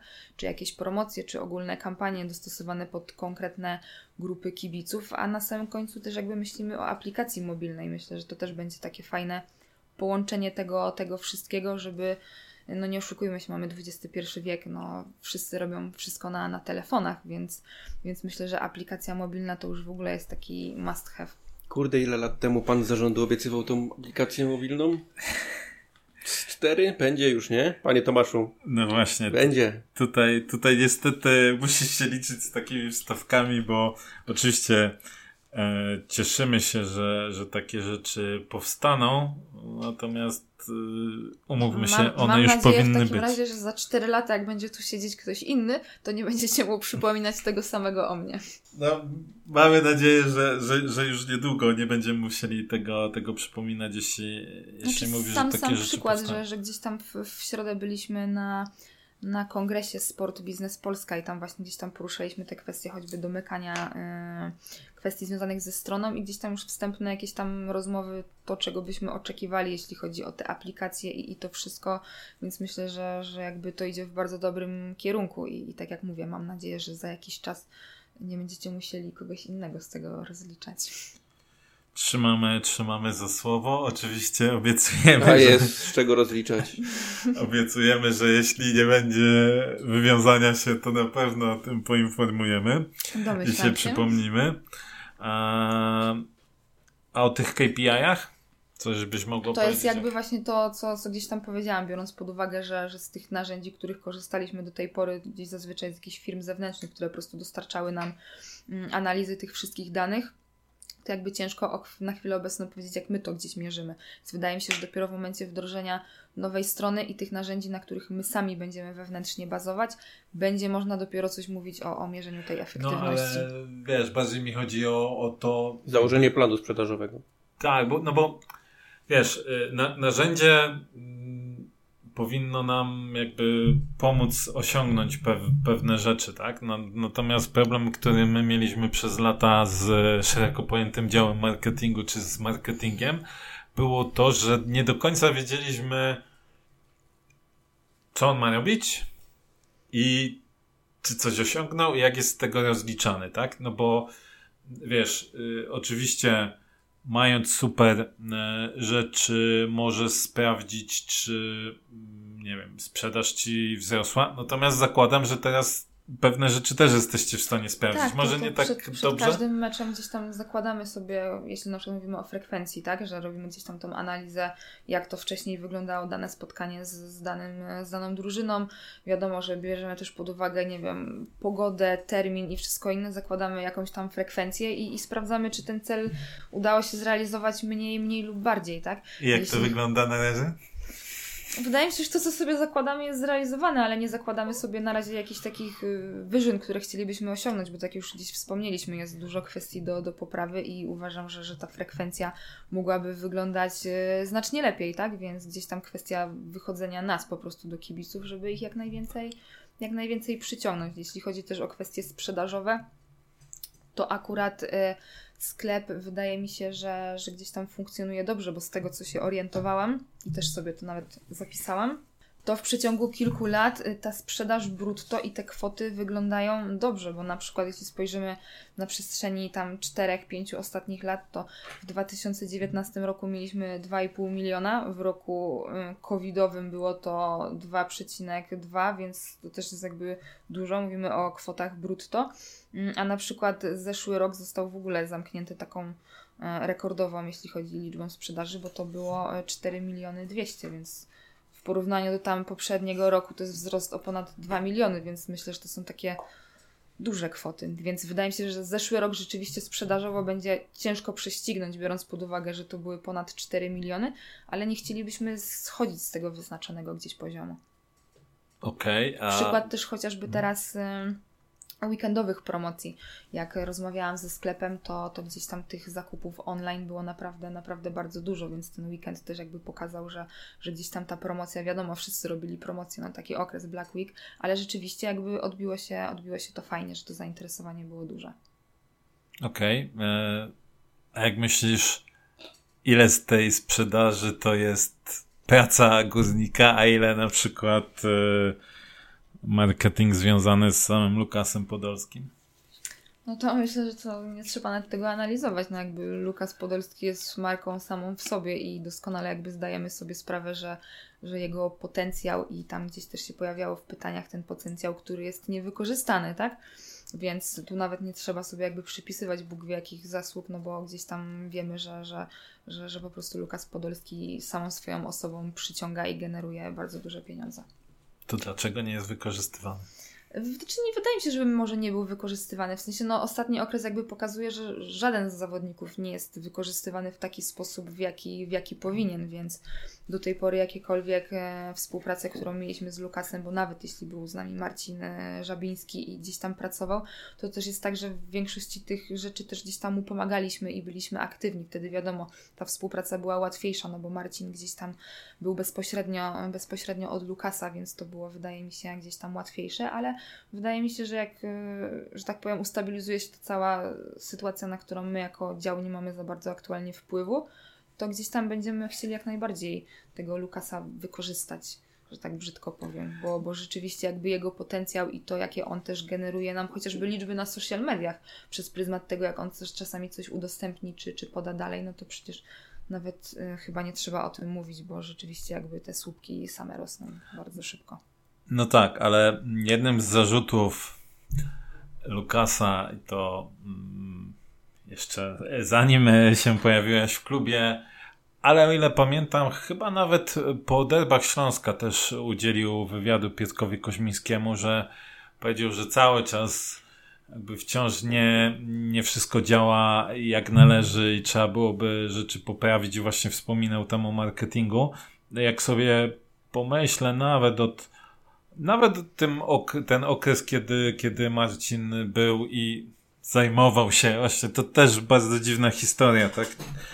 Czy, że się, czy się zajmował Lukasem, czy się nie zajmował Lukasem, jaki, jaki myśmy mieli też odbiór, mm, to, że nie było kulis z obozu i tak dalej. Natomiast, no, wydaje się, że jednak potencjał takiej właśnie, o którym mówisz, te zasięgi, wiemy jak, nie wiem, jak Lukas otwierał swoje boisko, jak For Free przyjechało i tak dalej, jakie zasięgi generuje na, na nie wiem, na Sky'u niemieckim.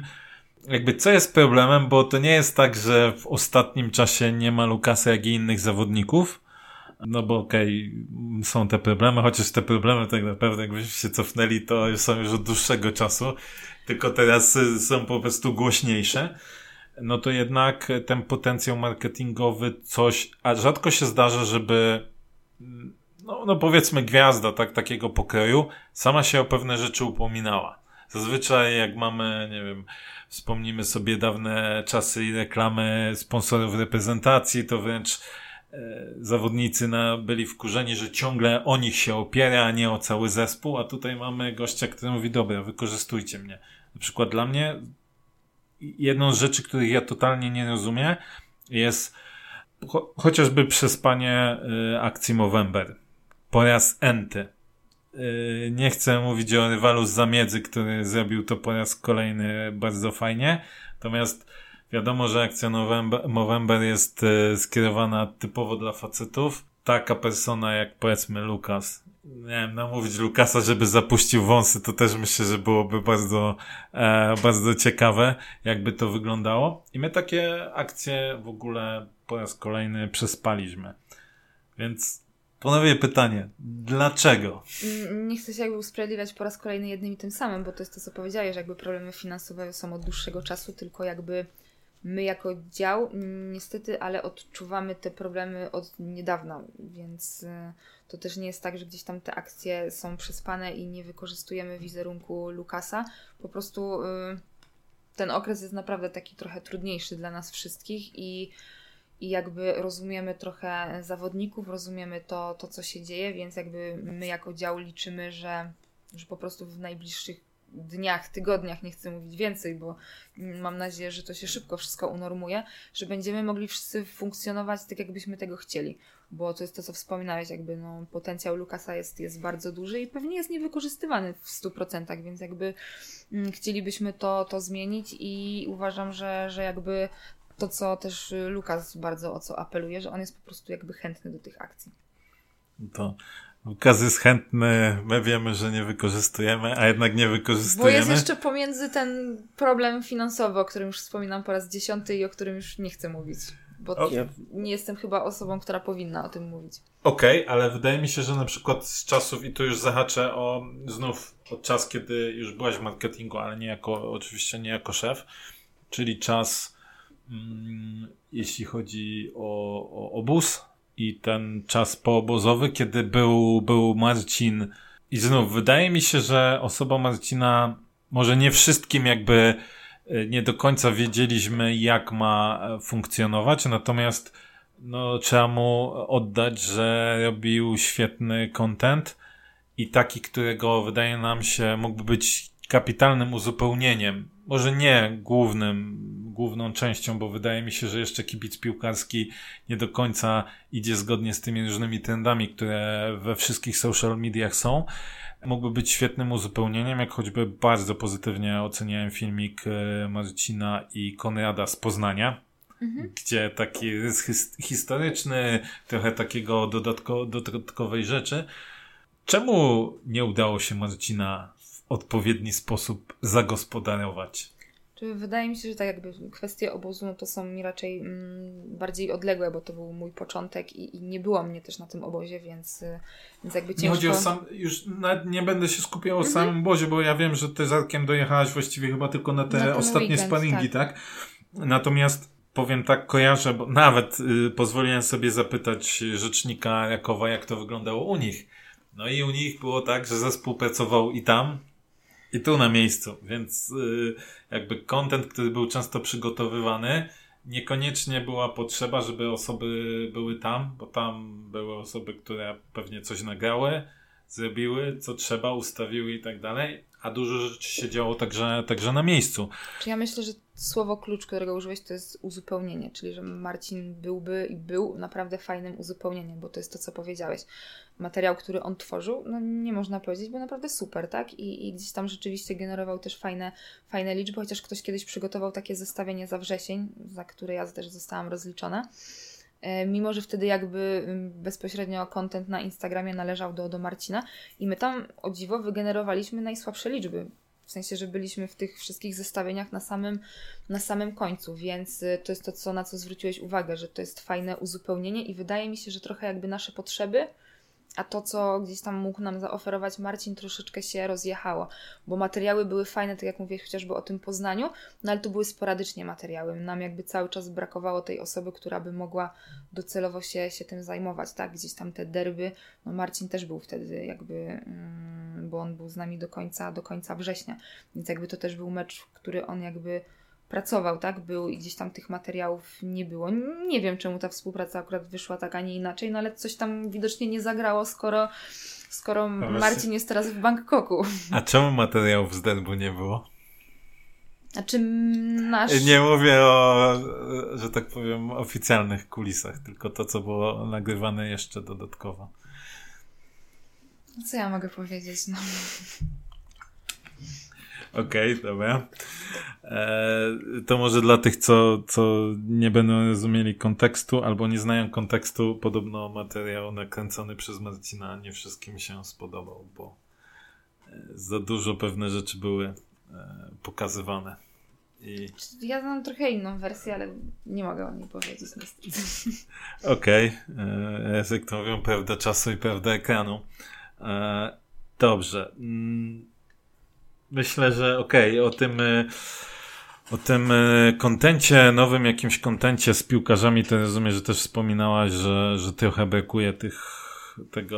No ale to jest to, co osoby, mówiłam, że my jakby zdajemy sobie z tego sprawę i tu też nie trzeba odkryć Ameryki, żeby zrobić jakiś kontent, który będzie ciekawy, bo to są zwykłe jakieś czasami szybkie po prostu filmiki, tylko mm, tak jak już gdzieś tam powiedziałam milion razy wcześniej, że gdzieś tam ta sytuacja musi się tak trochę ustabilizować, żebyśmy mogli po prostu działać, że tak powiem. Okej, okay, a jeśli chodzi już nie tylko o przedstawianie samych piłkarzy, ale także osoby gdzieś tam blisko związane z górnikiem, tu, tu padło pytanie na przykład o greenkeeperów. Mhm. Rozumiem, że pytający miał na myśli grandsmenów, bo greenkeeper jest od pól golfowych, ale to taka mała wstawka, że mamy zawsze świetnie przygotowaną murawę i o nich coś zrobić Pamiętam, że kiedyś pojawił się też e, kiedyś, tak, filmik tak, z Krzyśkiem, Skutnikiem, naszym, naszym kierownikiem, który myślę, że mnóstwo rzeczy mógłby opowiedzieć, czy, czy nie wiem, Bartek Perek, albo osoby, które gdzieś tam pojawiają się przy górniku, albo kiedyś pracowały w górniku, czy, czy nie wiem, były zawodnikami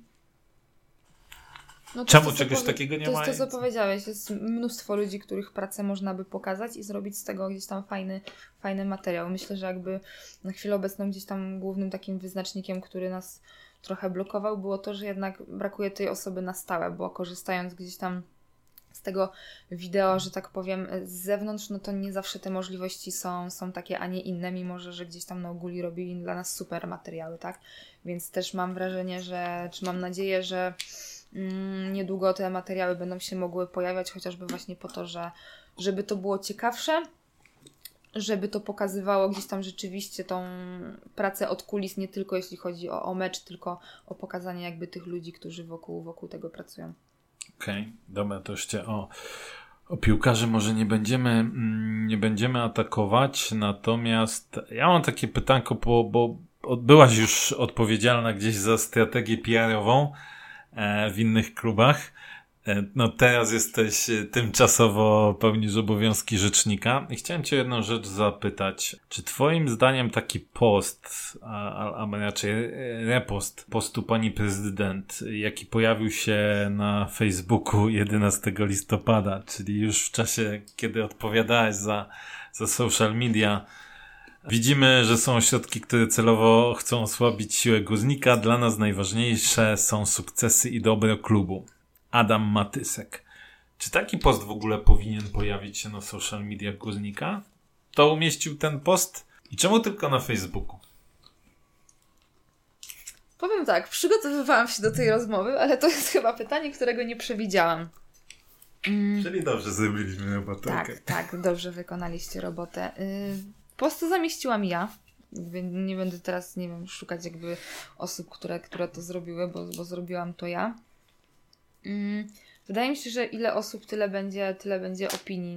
Nam jakby zamiar tego był um, pozytywny. Chcieliśmy jakby pokazać, że, że chcemy być w tym wszystkim e, jednością, że, że chcemy jakby pokazać, że, że te wszystkie spory, które toczą się gdzieś tam dookoła, może niekorzystnie rzeczywiście wpływają na, na wizerunek, wizerunek klubu. No nie chcę się wdawać w te jakby konflikty pomiędzy gdzieś tam kibicami, miastem i tym wszystkim, jak tutaj to funkcjonuje, bo to chyba... Nie masz wrażenia, że dodaliście wręcz oliwy do ognia, a nie pokazaliście, że jesteście jednością i chcecie być wszyscy razem?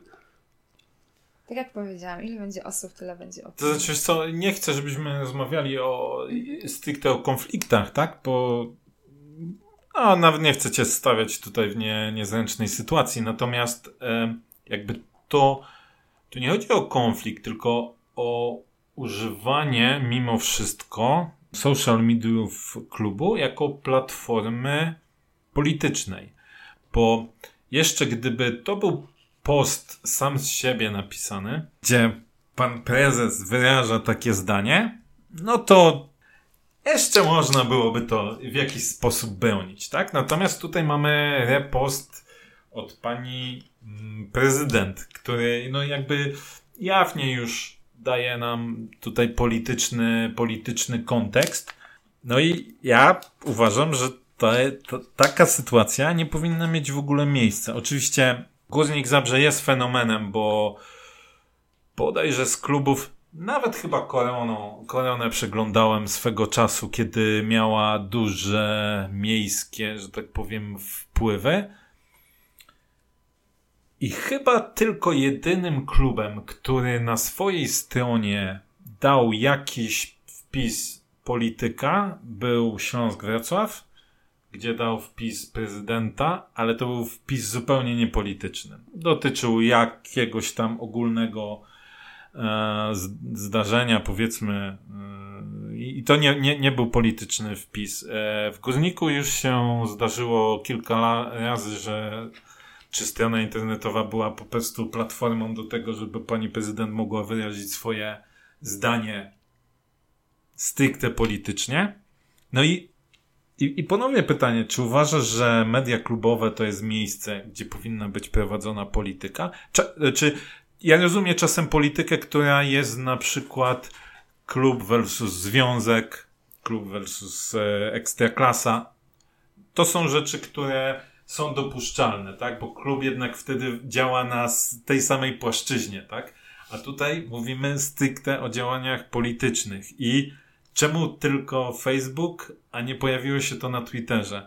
Czy dlatego, że na przykład na Twitterze kibice są bardziej e, tacy, nie wiem, łatwiejszy zapalnik, krótszy ląd i od razu są w stanie pewne rzeczy skontrować, a jednak mimo wszystko wydaje mi się, że, że ten Facebook e, trochę przez pryzmat kibicowski jest tak z dalsza rozpatrywany, tych takich powiedziałbym zagorzałych kibiców. Co mogę powiedzieć? E, wydaje mi się, że jakby mm, nie mieliśmy na celu, żeby to miało jakikolwiek przekaz e, polityczny. No, tak jak zwróciłeś uwagę, my jesteśmy klubem sportowym i tu raczej chodziło o takie trochę ocieplenie tego, co się wokół, wokół klubu dzieje. Tak, ale jak można nie mieć kontekstu politycznego, kiedy robi się repost e, posta pani prezydent? No to samo przez się jest. Tu bardziej chyba chodziło o to, że cała ta sytuacja jednak dotyczy, dotyczy górnika, przy okazji, że to jest wiadomo, no stricte gdzieś tam polityczne. Górnik obrywa, tak, tak, oczywiście, może, rykoszetem dostaje może, jak najbardziej. Tak, może zostać odebrane tak, a nie inaczej, ale tak jak mówię, gdzieś tam nie chcieliśmy mieszać w to polityki i myślę, że na tym zakończmy ten temat. Okej, okay. no to jeszcze uważasz, że pianowo to było dobre posunięcie? Następne pytanie poproszę. Okej, okay, dobra. E, rozumiem. Które następne pytanie tutaj może Grzesiu, ty chcesz e, coś... E, coś nie no, do... przecież rozwalę ci jeszcze wywiad. nie, wywiad, tylko jakby... Ja, ja, by, ja by czekam cały czas, aż ty sobie skończysz, żebym ja mógł wyjść ze swoją... A listą. Nie, ja na przykład, jeżeli już jesteśmy przy PR-ze, bo tak, żeby hmm? kontynuować mniej więcej ten temat. E, dla mnie osobiście takim świetnym przykładem podniesienia się PR-owo klubu jest to, co zrobił Śląsk Wrocław w ostatnim miesiącu. Jednak umówmy się, Górnik i Śląsk przez ostatnie kilka miesięcy mniej więcej szorowały po podobnym poziomie, czyli po dnie. E, Śląsk w te kilka miesięcy naprawdę wyszedł na całkiem niezły poziom, powiedzmy, PR-owy. E, abstrahując od tego, co się sportowo oczywiście tam w tej chwili dzieje. Natomiast z tego, co pamiętam, nawet chyba artykuł na Wirtualnej Polsce był o tym właśnie, jak Śląsk się dźwignął PR-owy.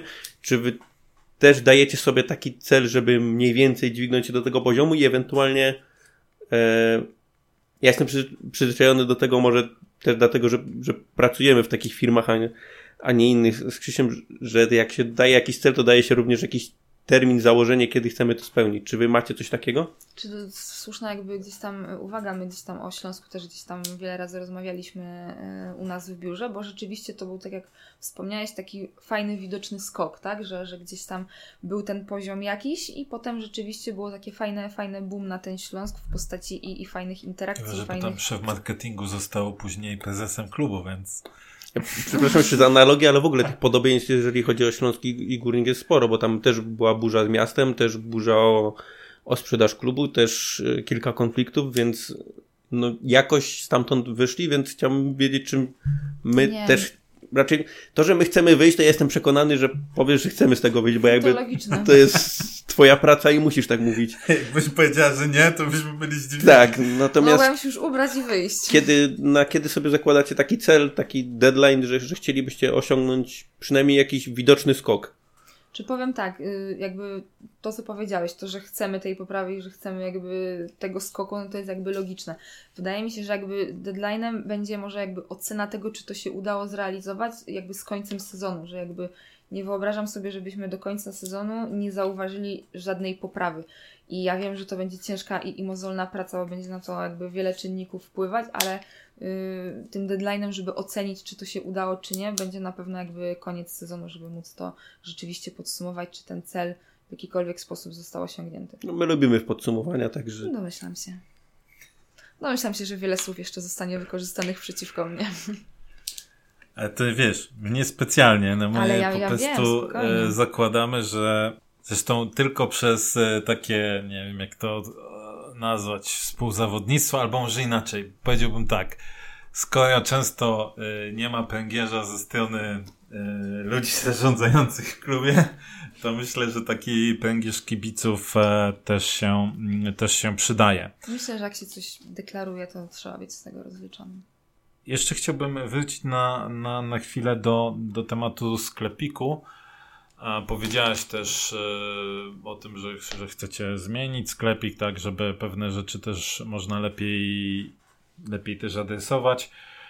Na stronie związanej ze sklepikiem jest dużo produktów, które są reklamowane przez naszych byłych zawodników. Na byłych tak. zawodników, czy, czy wcześniej jeszcze było, co później zostało trochę poprawione. Jakość niektórych zdjęć też była, pozostawiała wiele, wiele do życzenia.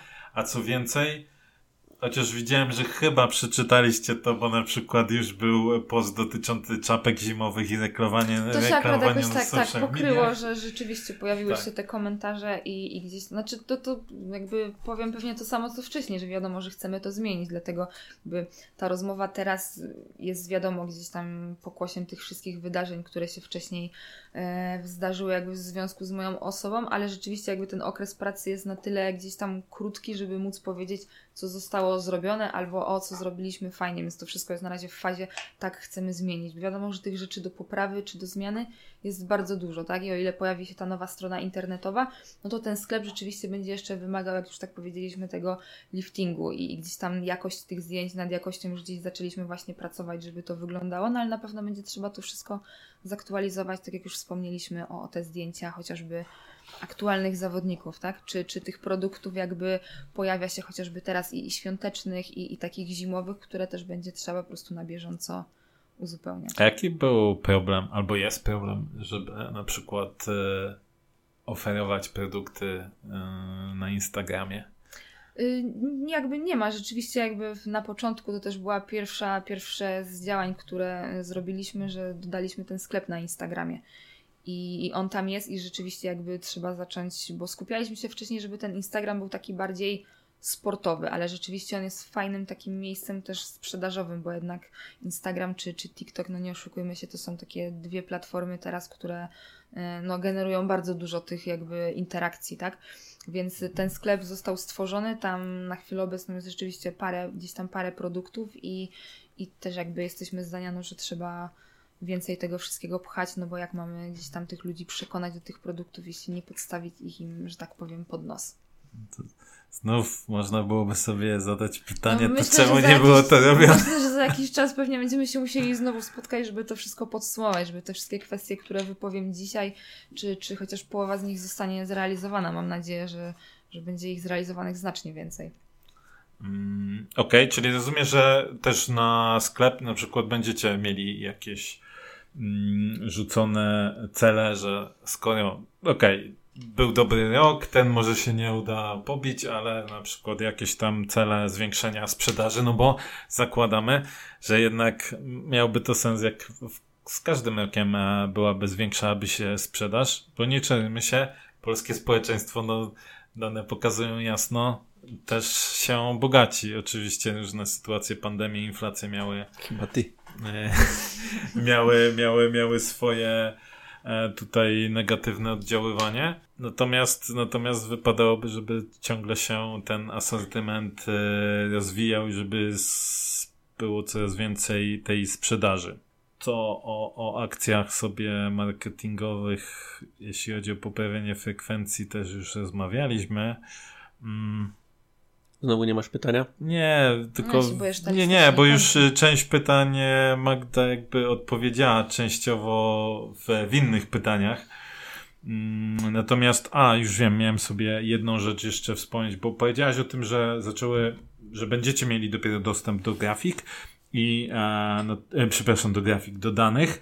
Natomiast zaczęły się pojawiać grafiki też z, z danymi dotyczącymi meczów E, że coraz więcej kobiet, e, coraz więcej dzieci. Natomiast mm, jakby my zwróciliśmy uwagę na jedną grafikę, która naszym zdaniem jest trochę niepokojąca, bo, bo wychodzi mniej więcej, że prawie 58%, czasem można powiedzieć 60% e, osób, które przychodzą na mecze, to jest w przedziale wiekowym 27 do 59. No 60% no to powiedziałbym, że to jest dużo. Oczywiście z jednej strony to jest pewnie też dobry kibic, bym powiedział, tak czysto sprzedażowo, bo i on już ma jakiś tam e, większy budżet, który również może, może zostawić. Natomiast na pewno niepokojące są dane dotyczące mm, tych młodych kibiców, tak? Bo do 6 lat, chociażby przeglądam mecz z Krakowią, e, notabene zakładam, że naprawdę myśleliście, że na Krakowie przyjdzie 9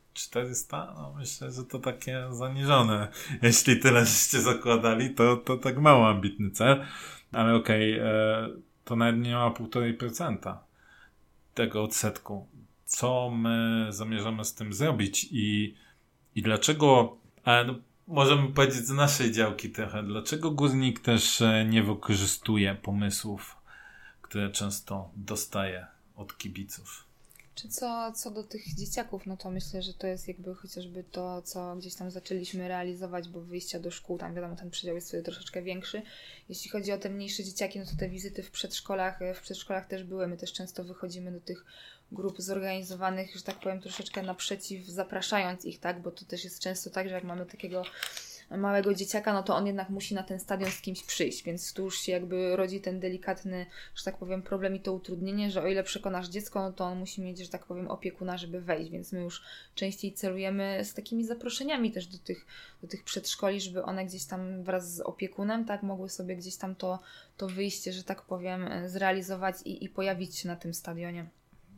Wiadomo, to się teraz udaje y, troszeczkę rzadziej też ze względu na pogodę, bo wiadomo, że ten okres, że tak powiem, jak jest cieplej, no to te dzieci chętniej przychodzą, bo i rodzice wtedy spędzają ten czas. No my tam gdzieś wiadomo, y, idziemy też w kierunku, żeby ten sektor rodzinny oferował też więcej atrakcji, tak? Chociażby teraz też na to 75-lecie będziemy mieć tych atrakcji dla dzieci tam dużo i, i, gdzieś tam będziemy też właśnie aktywizować te szkoły i też pojawią się właśnie akcje związane ze szkołami, żebyśmy ten sektor rodzinny, y, że tak powiem, wypełnili do, do ostatniego krzesełka, bo rzeczywiście jakby y, no, duży jest potencjał jednak w tych dzieciach, tak? Bo to jest, że tak powiem, taki kibic, który zostanie na te kilka lat, mamy nadzieję, kilkanaście, więc dotarcie do niego jakby też, też generuje, że, że rzeczywiście on przyciągnie też na stadion no, rodzinę, tak? Więc to jest wtedy już y, kilku, kilku kibiców, że tak powiem.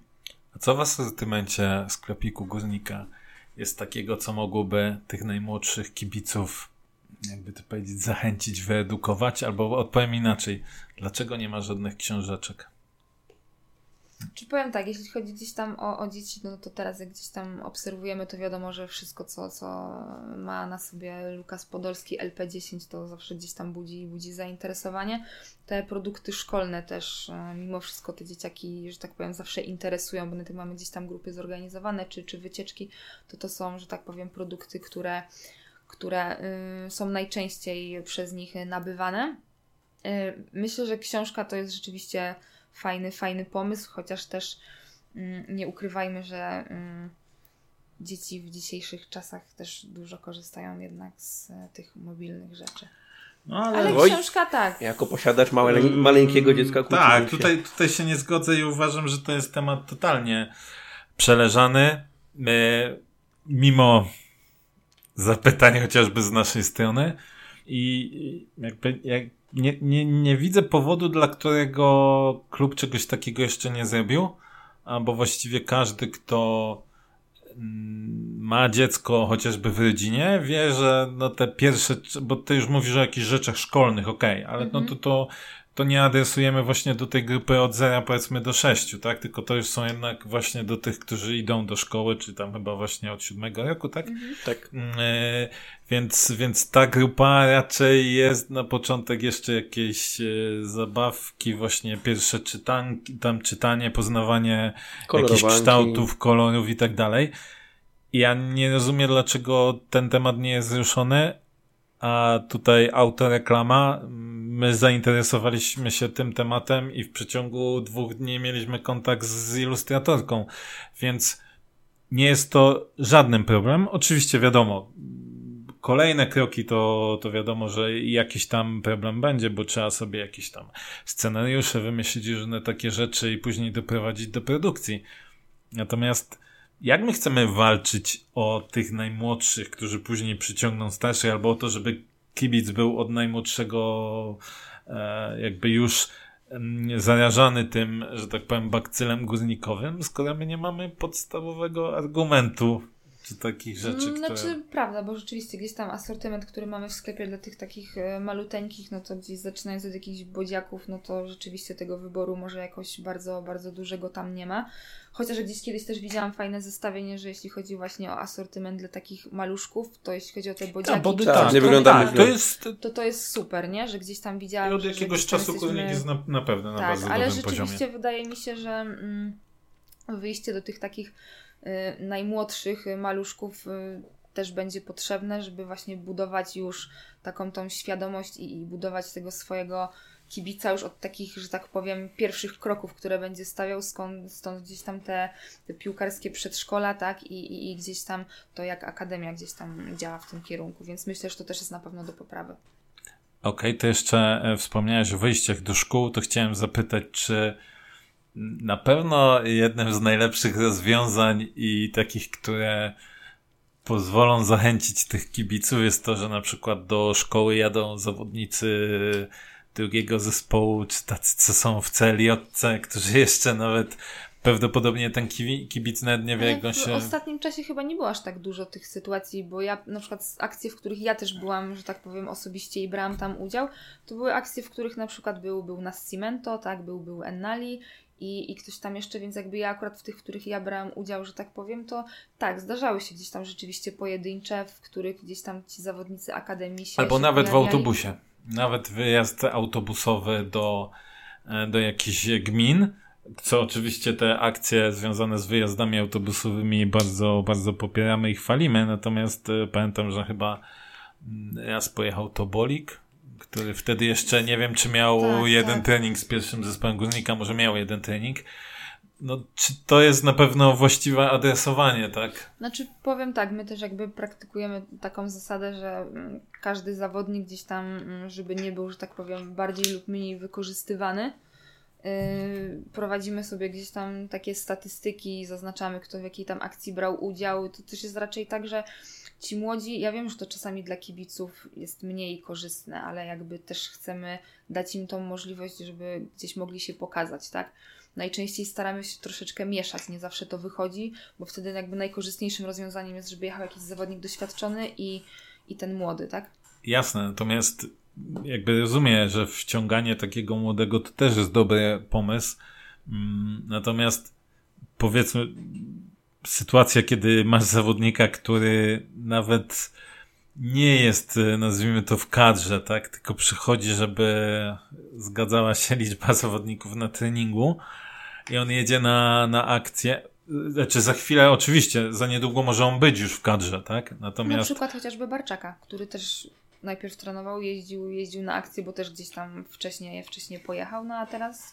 No tak, ale, więc... ale no właśnie, czy, czy mimo wszystko to nie powinno jednak być w drugą stronę, tak? Czyli dopiero kiedy stajesz się częścią tego, tego górnika, mm, pod tym kątem, że właśnie jesteś już e, z tym zespołem, zagrałeś w jakimś meczu, chociażby nawet e, pucharowym, no to wtedy jedziesz i się zapoznajesz, no bo nie, nie czujemy się jednak dla tych kibiców, to ma być też takie święto. Nic nie ujmując tym młodym zawodnikom. Mam nadzieję, że będą mieli jeszcze mnóstwo takich, kiedy będą przyjeżdżać jako gwiazdy. No to jednak ta, ten jakiś kibic gdzieś tam w dalekiej gminie, dla którego to jest pewnie jedyne spotkanie z piłkarzami. Oczywiście rozumiem, że nie cały czas musi być, szczeram, Lukas Podolski albo Dani Paczeko, no, ale czy wysłanie takiego młodego zawodnika, który jeszcze nic nie zagrał, jednak jest właściwe? Ale przyznaj, że takiego Kostasa w przedszkolu to byś widział.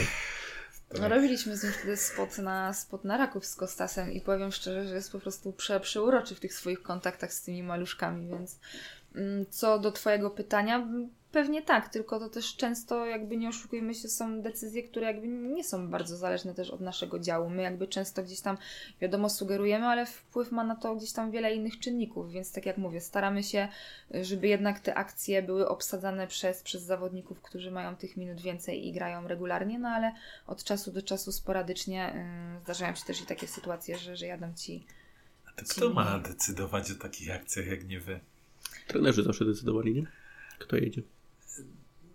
No i jest tak czasami, że gdzieś tam ktoś ma jakiś dodatkowy trening, ktoś ma po prostu jakieś sprawy prywatne, ktoś brał udział ostatnio w akcji i czasami to są jakieś takie mm, nagromadzone, nagromadzone sytuacje i... A z jakim wyprzedzeniem planujecie takie akcje? Znaczy generalnie przy jakby akcji w miasto, chociażby jakby teraz zazwyczaj staramy się, żeby to był taki minimum tygodniowy okres, bo czasami ciężko jest to zaplanować chociażby ze względu na cykl treningowy, tak? Teraz też będzie, że tak powiem, trudniejszy okres przy planowaniu czegokolwiek, bo chociażby przyszły tydzień jest na tyle ciężki, że jest ten Szczecin, są Mikołajki, jest wyjazd do, do Radomia, więc my generalnie wiadomo, jakby wewnętrznie planujemy sobie te wszystkie działania gdzieś tam z wyprzedzeniem powiedzmy miesięcznym.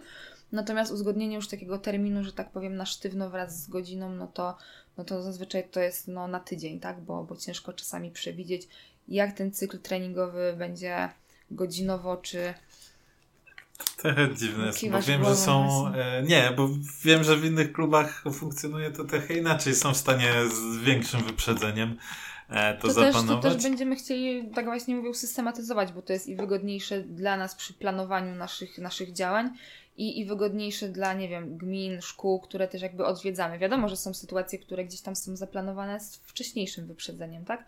Ale gdzieś tam te gminy raczej dogadujemy sobie, chociażby tak jak przykład y, wyjazdu, który będzie w, w tym tygodniu, no to y, wiadomo, że to logistycznie czasami jest do rozplanowania trudniejsze, chociażby teraz mamy Głogówek i Gierałtowice, więc jest to gdzieś tam odległościowo. No i kwestia, że pogoda jest teraz. Ciekawe jest zestawienie. Taka, taka, a nie inna, że, że gdzieś tam to nie jest tak jak te wyjazdy w miasto wcześniej, że po prostu jedziemy na, na rynek czy na dane miejsce, tylko gdzieś tam trzeba też zorganizować, czy to jakąś szkołę, czy, czy halę, więc to też wiadomo wymaga, wymaga pomocy danej, danej gminy.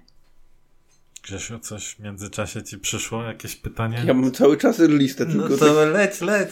Sobie siedzę, bo jak już zacząłeś wcześniej o tym sklepiku, bo mi akurat to przyszło bardziej do głowy, nie pod kątem sklepiku, ale ogólnie e, sprzedaży. Jeżeli dobrze kojarzę, to marketing również odpowiada za sponsorów. Zresztą mówiłaś, że, że też ADA obsługuje e, sponsorów pod kątem roz, rozliczalności wobec nich pewnych założeń biznesowych. Rozumiem, że wy też odpowiadacie za poszukiwanie sponsorów. Powiedziałam, że to jest trochę połączone, bo na przykład dział, jakby dział ticketingu, yy, też jakby chłopaki oprócz, tam odpowiadają za kwestie stricte, stricte biletowe, no to też gdzieś tam odpowiadają za te kwestie, czy to klubu biznesów, więc jakby tu bym powiedziała, że to jest takie trochę połączone, mimo że jakby ticketing trochę temu może przeczy i nie zakłada tego, ale gdzieś tam rzeczywiście... Bardziej chodzi mi o pozyskiwanie nowych sponsorów. Tak, czy tak, macie tak. Wyzna wyznaczony cel, że chcielibyście, nie wiem, do końca tego sezonu albo do końca przyszłego roku pozyskać, nie wiem, jednego dużego, powiedzmy dwóch średnich i trzech małych sponsorów, bo z tego co pamiętam, to w Górniku są akurat pakiety, tam jest ten czerwony, srebrny i... i... Z, tym, z tym rzeczywiście gdzieś tam, bo tych sponsorów jest jakby sporo, ale takich mniejszych, więc rzeczywiście chcielibyśmy, żeby pojawiło się to coś większego. No samo to mamy chociażby miejsca jeszcze, tak, na, na strojach, bo przecież jest i miejsce na, na rękawku i jest miejsce też z tyłu na, na spodenkach. Ale czekaj, bo to się trochę z tym, co mówił ostatnio pan Mason w wywiadzie, nie, e, nie składa, że nie? Tam było z tymi. No, dużo rzeczy, dużo rzeczy mu się nie składa. Od, od y, Lukasa, że spadli, ale że jest w absolutnej czołówce, jeżeli chodzi o to. W sumie nie jest, nie jest istotne, więc no okej, okay, mamy miejsce. Czy jakie macie założenie na poszukiwanie takich sponsorów, bo zakładam, że musicie no, jakoś się z tymi firmami kontaktować. Ja akurat no, mam taką pracę, że też często rozmawiam z tym biznesem i na przykład mam to doświadczenie z firmami zabrzeńskimi, tymi mniejszymi firmami zabrzeńskimi, że one po tym programie e, wsparcia tych trójkolorowych, gdzie, gdzie, gdzie brali udział, no, tak naprawdę czułem się trochę oszukani i, i twierdzą, że nie wyszli dobrze na, na, na współpracę z klubem i raczej nie chcą się pisać na dalej. Jak, czy macie jakieś założenie, że nie wiem, chcielibyście coś naprawić, czy jak chcecie poszukiwać nowych, jak chcecie docierać do tych ludzi? Czy na pewno gdzieś tam nie będę się wypowiadała za jakby ten program, czy, czy tam coś, w czym nie brałam y, udziału. Natomiast rzeczywiście uważam, że kwestia tutaj jest y, sponsorów, sponsoringowa jest też na pewno do, do poprawy, bo pomijając jakby kwestię, że przydałoby się coś takiego wow i, i coś dużego, no to rzeczywiście myślę, że, że takie mniejsze firmy y, są też bardzo, bardzo istotne i trzeba by na pewno albo jeszcze po pierwsze pozyskać ich więcej, a na pewno zadbać też o tych, których mamy lub mieliśmy, a gdzieś tam coś po drodze, po drodze nie wyszło, bo, bo rzeczywiście gdzieś tam jakby cały ten klimat taki sponsorów jest dosyć jakby trudny też biorąc pod uwagę nagromadzenie gdzieś tam klubów w okolicy, więc często jest też tak, że ci mniejsi sponsorzy niekoniecznie jakby chcą się z tym wszystkim wiadomo afiszować, bo jest nagromadzenie tych klubów i to czasami jest tak, że jak gdzieś nie wiem, mówimy chociażby o powieszeniu jakichś reklam czy coś, no to zawsze jest, że nie wiadomo, czy to będzie takie do końca bezpieczne, jeśli to jest gdzieś na pograniczu tych, pograniczu tych tutaj jakby miast, ale rzeczywiście myślę, że to też jest temat bardzo, bardzo do poprawy, bo ci kibice, y, ci sponsorzy, którzy są z nami gdzieś tam od x czasu, a, a są tacy mniejsi, że tak powiem, myślę, że rzeczywiście mogą gdzieś tam być troszeczkę przez nas nie, niedoceniani, ale to tak jak mówię, to jest gdzieś tam w etapie poprawy tego, co chcemy wykonać, jest jakby dużo tych, y, dużo tych założeń i to na pewno też będzie jedno, jedno z nich. Znaczy mnie ta kwestia interesuje zwyczajnie już od lat, bo tak naprawdę nie licząc przyjścia Kasa i, i przeprowadzenia stricte przez niego tych sponsorów, którzy e, część z nich do niedawna była, część tam chyba jeszcze pozostała jako sponsorzy klubu, to tak naprawdę myśmy nie mieli żadnego ruchu in plus, jeżeli chodzi o takich sponsorów, nazwijmy to większych, a mam wrażenie, że choćby klimat biznesowy w niedalekich Katowicach sprzyja temu, żeby tych sponsorów jednak pozyskiwać, bo biznes w Katowicach strasznie łaknie ostatni, nawet ostatnimi czasy do, e, do sportu, już abstrahując od tego, że wszyscy, znaczy wszyscy, jest bardzo dużo takich sygnałów dostajemy u siebie w firmie, że teraz po tym, co wydarzyło się 15 października, bo nie mówimy tutaj już, e, nie wspominajmy o polityce, ale jest jednak jakaś taka pełna pewna euforia, że teraz to już będzie super, jedziemy z biznesem i inwestujemy. No i tak się zastanawiam, czy my to wykorzystamy, czy tak w sumie będziemy stać z boku i będziemy czekać, czy ktoś przyjdzie i powie, mocie. Czy myślę tak, że to jest na pewno do, do wykorzystania, biorąc pod uwagę, jaką ogólnie marką jest górnik i, i to gdzieś tam, jak mógłby przyciągnąć gdzieś tam samym tym, co oferuje, tak? Więc rzeczywiście to jest taki troszeczkę temat, nad którym na pewno też się trzeba pochylić dużo bardziej. No, mnie to strasznie boli, że mamy naprawdę tyle korporacji w Katowicach, a większość z nich nawet nie wie, że my mamy jakąś ofertę biznesową. To na pewno trzeba wyjść po prostu naprzeciw do tych ludzi, bo to wiadomo, nikt się nie domyśli, jaką mamy ofertę i co oferujemy, więc to rzeczywiście będzie trzeba zrobić krok do przodu do tych ludzi, żeby y, pokazać im, co my jesteśmy w stanie zaoferować i jak mogłaby wyglądać ta współpraca. Ale to, tak jak mówię, to też na pewno do, do poprawy. Możemy założyć jakiś znowu deadline? Może już tak nie rzucajmy tymi deadline'ami cały czas. Koniec sezonu, tak.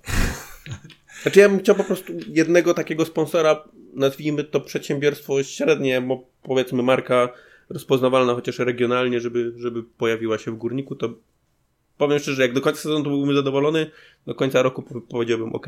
No myślę, że to jest bardziej realne, bo, bo z końcem sezonu raczej mhm. ciężko, łatwiej raczej mi się wydaje znaleźć na nowy, na, na nowy sezon. Więc myślę, że rzeczywiście gdzieś tam ten koniec roku byłby fajnym założeniem. Zobaczymy, mm, czy to znowu nie będzie jakaś e, spółka Skarbu Państwa, bo bardzo się nasi włodarze chwalą węglokoksem, a jak e, wiemy, to niewiele, niewiele, że tak powiem, oni sami przy tym, e, przy tym zrobili, tak? Że się rozwaliłeś. No krzesło odpada. Ważne, żebyś nie spadł. E, a poza tym wszystko, wszystko ok. To ja mam jeszcze, powoli pewnie byśmy musieli kończyć, pytanie związane z piwem Górnik. Co z piwem Górnik? Jaki jest wolumen sprzedaży piwa?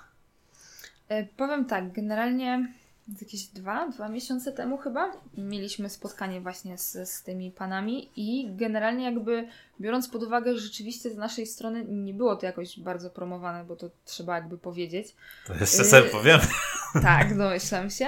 Y oni byli gdzieś tam bardzo jakby zadowoleni. Stwierdzili, że jakby to, co oni sobie, tak jak mówię, nie, nie wnikałam wtedy w szczegóły, bo to jeszcze mnie jakoś tak bardzo nie, nie dotyczyło. Teraz też gdzieś tam y jakiś czas temu się z nimi właśnie kontaktowaliśmy, bo mieliśmy takie troszeczkę większe plany w sprawie 75-lecia, gdzieś tam produkcyjnie okazało się, że to nie jest zbyt do zrealizowania. Y, natomiast jakby rzeczywiście biorąc pod uwagę to y, jakby promocję, a to jak zostało ono sprzedane, no to myślę, że, że wynik był bardzo dobry. Nie będę wdawać się w szczegóły, bo jakby ich do końca nie znam.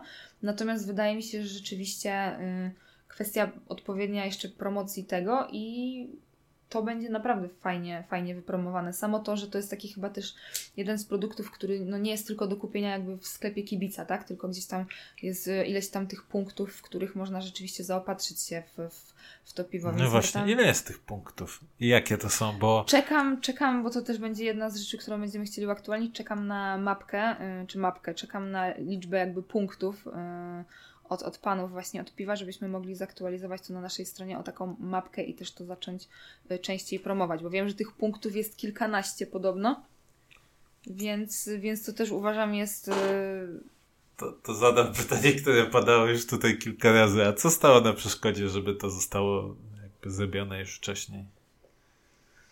No pewnie nic nie stało na przeszkodzie. Okej, okay, a... Kwestia, że tak powiem, dopinania tego i dopilnowania, żeby rzeczywiście te kwestie, o których ciągle gdzieś tam mówimy, zostały zrealizowane, a nie tylko mm, zakończyć to gdybaniem.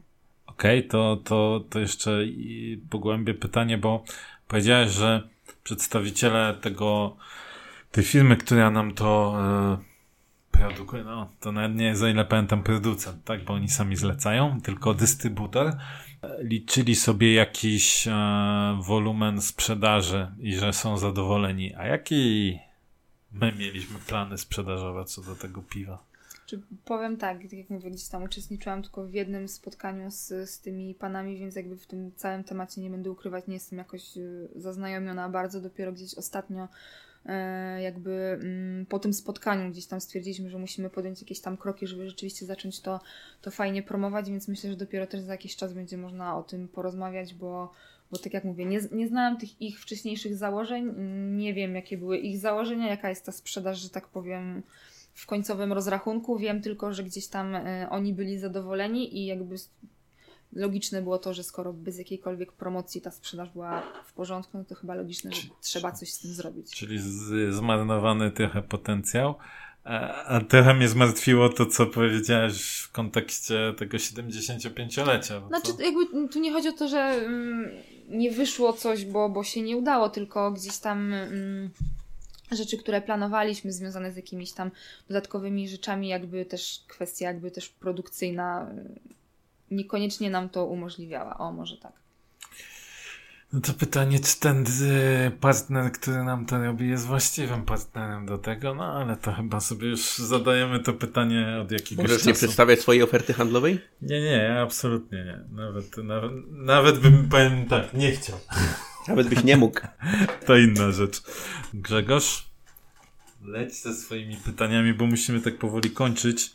E, myślę, ale jeszcze, jeszcze parę pytań zdążysz zadać. Czekaj, bo się wybiłem z rytmu.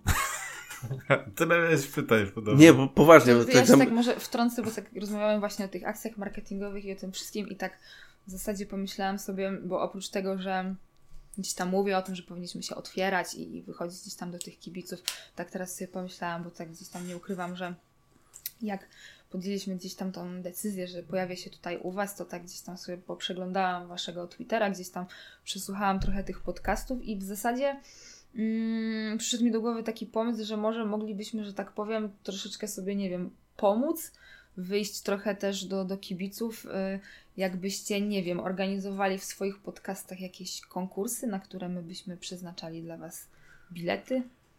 Wychodziliśmy już kiedyś do, do klubu z różnymi propozycjami, pamiętam. Mnie wtedy nie było, więc ja nie wiem. Tak, tak, tak. Nie to wiem, nie, nie jest, za, broń Boże, żaden zarzut, ale no. Pamiętam, tak, że... nawet po pierwszym e, pierwszym naszym podcaście, gdzie trochę, nie można powiedzieć, zmasakrowaliśmy marketing. Oj, oj tak. Nawet udało się przeprowadzić jedną wspólną akcję i wydawało tak. się, że, że to pójdzie, nie? wspólny spot.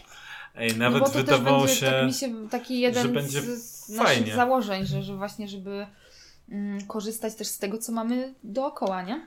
Tak, to znaczy, wiesz co, my zawsze mówiliśmy, zawsze jesteśmy chętni na, na, na pomaganie klubowi, bo zależy nam, nam na tym, żeby, żeby w klubie było po prostu jak najlepiej.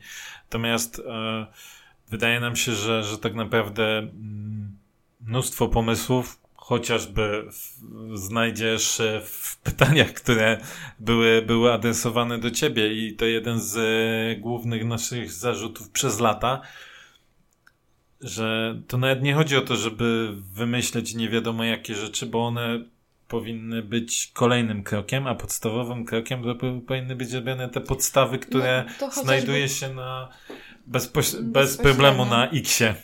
No to chociażby jakby przykład tam był też jakieś tam uwaga, że dlaczego nie wrzucamy na, na Instagram, na, na storki jakby informacji o bramce dla, dla rywala. No i rzeczywiście gdzieś tam, nie powiem, przeanalizowałem sobie przez weekend gdzieś tam kluby, czy to wrzucają, czy nie. No i generalnie jakby jest niewielka ilość tych klubów, które dają o tym informacje. Zazwyczaj to jest ten gol dla, dla, dla drużyny, yy, ale rzeczywiście jeśli wydaje mi się, kibice jakby odczuwają rzeczywiście taką potrzebę, żeby ta informacja się tam pojawiała, no to to, czy ja, czy ktokolwiek inny uznamy, czy kluby tak robią, czy nie, no to wydaje mi się, że rzeczywiście jakby docelowe jest to, czego oczekuje kibic, nie? Więc rzeczywiście takie te uwagi, które tam są, są no, słuszne. Jeśli jakby są założenia, których oni od nas oczekują, to my jesteśmy od tego, żeby to zrealizować. Wiesz, to jest tak, że oczywiście na Twitterze czy na Facebooku często znajdziesz jakieś tam posty, które pewnie są odczuciem danego piszącego, niekoniecznie to jest e, odczucie większej rzeszy kibiców, bo ja na przykład przyznam szczerze, że totalnie mnie nie obchodzi kto tam szczelił z zespołu przeciwnego, czy dostał kartkę. Nie, nie mam Instagrama, więc tym bardziej. Ta, no więc... tak jak mówię, do tej pory skupialiśmy, że jednak takie informacje były, były na tym naszym X-ie, natomiast rzeczywiście na więc tym... Wiesz, jakbyś mnie zapytała, to ja powiem, że akurat to, to jest totalnie... to też była jedna z takich uwag, która mówię, kurczę, no nie pomyślałabym, że ktoś zwróci na to uwagę, bo rzeczywiście gdzieś tam przeglądając kluby w Ekstraklasie, to jednak ten Instagram jest taki, żeby pokazać jakieś takie smaczki, ale coś takiego przyjemnego, nie? A zazwyczaj ta informacja, że bramka dla rywala no, nie była gdzieś tam wrzucana. No ale tak jak mówię, jeśli rzeczywiście jakby kibice tego oczekują. Czy ja uważam, można... że to jest akurat taka nie wiem, no pierdoła, tak? Tak naprawdę. Umówmy się szczerze. Czasami też yy, musicie... Ja, czy ja zauważyłem, że klub ma, ma z tym duży problem, a to nie tylko nasz, bo ogólnie ludzie w, chyba mają z tym problem z trochę zachowaniem czasami takiego dystansu, w sensie, że jak ktoś tam wrzuci jakiś tam, nie wiem, pocisk, to czasami to robi stricte dla żartu i, i dla jakiejś beki, a czasami jest takie spięcie, że ach, coś mi tam pocisk i Teraz to pokażemy. A w sumie było jedno pytanie, kiedy, czy można oczekiwać, że nasz profil będzie bardziej taki tak, na, na luzie z jakimiś zaczepkami. Nawet nie chodzi o to, ale wiesz, czasami po prostu wziąć na dystans to się tak, jakieś no, takie no, ale pierdoły. To właśnie no, na luzie, okay, no, ktoś czasami jakoś tam swoją frustrację wyrzuci i tyle. No to jest tak jak Abelard Giza kiedyś w tym swoim stand-upie mówił, że on to by chciał, żeby cała złość w ogóle odpływała do internetu i tam pozostawała i i nie uwidaczniała się e, już w ogóle później na świecie. Więc ja pod tym kątem bardziej patrzę. Też, żeby było jasność, nikt nie oczekuje od was, że nie wiem, tak jak zaczęliście pracę od tego sezonu, że my teraz już na nową rundę to już w ogóle będziemy super marketingiem, super klubem i wszystko będzie. Ale czemu ja oczekuję? Wszystko będzie fantastycznie, bo jakby każdy sobie zdaje sprawę, że jest to jakiś etap i, i wchodzenie po schodach i w niektórych przypadkach nawet nauka chodzenia. Czyli trzeba się kilka razy e, przewrócić przez choćby konglomerat różnych wydarzeń, ale jednak no to właśnie, ja myślę, że się przewrócili. Ja myślę, że kibice po prostu może do nie wiem, znowu za, zakładam sobie jakiś termin, tak? Do końca tego sezonu oczekują jakiegoś widocznego skoku jakościowego. Dlatego, tak jak mówię, gdzieś tam to, że jestem tutaj akurat teraz, no to bardziej zakładało jakby te wszystkie wydarzenia, które gdzieś tam miały, miały miejsce, a rzeczywiście jakby też uważam, że no nie da się wszystkiego poprawić już, na już, tak? Wiadomo, że tych działań będzie sporo i rzeczywiście wydaje mi się, że, że tak po, po sezonie to jest taki moment, żeby móc nas e, rozliczać, że tak powiem, z tych, tych działań. Tak, okay. powiedziałam to głośno. Pierwsze rozliczenie będzie po 75-leciu. I ja, ja oficjalnie mówię, że dla mnie to będzie pierwsze rozliczenie, bo e, i mówię jako klubu, nie, nie mówię konkretnie was personalnie, natomiast jako klub, bo to jest tak ważna data w historii klubu, że ona nie może być e, zmarnowana. Ja mam swoje odczucie, że niestety już będzie zmarnowana, ale oczywiście nie chcę się totalnie negatywnie nastawiać, natomiast e, to będzie pierwsze zliczenie i, i myślę, że tutaj z perspektywy klubu też jako, e, jakby też musisz to zrozumieć, że no, jakby są pewne rzeczy, kiedy możemy sobie pozwolić, żeby czegoś nie zrobić. Typu mecz z Wartą, zwykły mecz z mhm. Wartą, mm. tak, jakkolwiek. Jeśli tam będą jakieś potknięcia, zdarza się, tak? Ale nie mecz z Wartą, który jest 75-leciem, czy całe, całe obchody 70 5 lat temu na 70-lecie graliśmy z Arką Gdynia chyba, nie? No, tak, też... tak, tak, bo to był jeden z pierwszych meczów Daniela Bielicy, co mu nalepa taką Może, ale jeszcze też na 70-lecie był mecz z Hajdukiem, nie? Jako tak, element tak, tego, tak. nie? Więc yy, no, właśnie. Na pewno to było na 70-lecie mecz z Arką? Teraz nie, nie chciałbym topy, ale ale chyba tak było. Nie wiem, Grześ, to musi sprawdzić i musi no. ewentualnie przyjąć te e, bęcki później. Więc, więc pierwsze, pierwsze zliczenie na pewno będzie wcześniej. Natomiast tak, no myślę, że tutaj zgodzę się z tym, co powiedział Grzesiek. E, myślę, że kibice oczekują skoku jakościowego, który nie jest ad hociem, nie jest momentem, tylko jest stałym dążeniem do tego, żeby było coraz lepiej. Tak, to jest bardzo ważne, bo, bo już było kilka takich momentów w klubie, gdzie mieliśmy tak, że social media, nie? Ruszyły tak, było, kurde, teraz to ruszyło w końcu, jedziemy. Wydaje mi się, że to jest logiczne, tak, że, że kibice tego, tego oczekują, że, że będzie ten skok, ale który się po prostu utrzyma na odpowiednim poziomie, a nie tak jak wspomnieliście, że będą te wzloty i upadki, wzloty i upadki. My też jakby jako dział, naszym celem jest też wiadomo, żeby funkcjonowało to na, na bardzo dobrym poziomie. Grzegorz, czy jakieś ostatnie pytanie? To już ostatnie? Nie, no dwie godziny już nagrywamy, to myślę, że... Troszkę tak. Że, że, że pora... Nie padło jeszcze dużo pytań, które myślałam, że padną, no ale... Ale to, o pytanie o Zagłębie Systowiec tak, to jeszcze padnie. Okej, okay, na koniec. Padnie to, co ci pisałem przed wyjściem. Czekaj, ja nawet nie kojarzę. A, a może ty masz jakąś rzecz, którą chcesz, wiesz, że się pojawiła, już abstrahując o, o, o tą wiadomą e, scenę, e, którą, nie wiem, chciałabyś się do tego, do czegoś ustosunkować?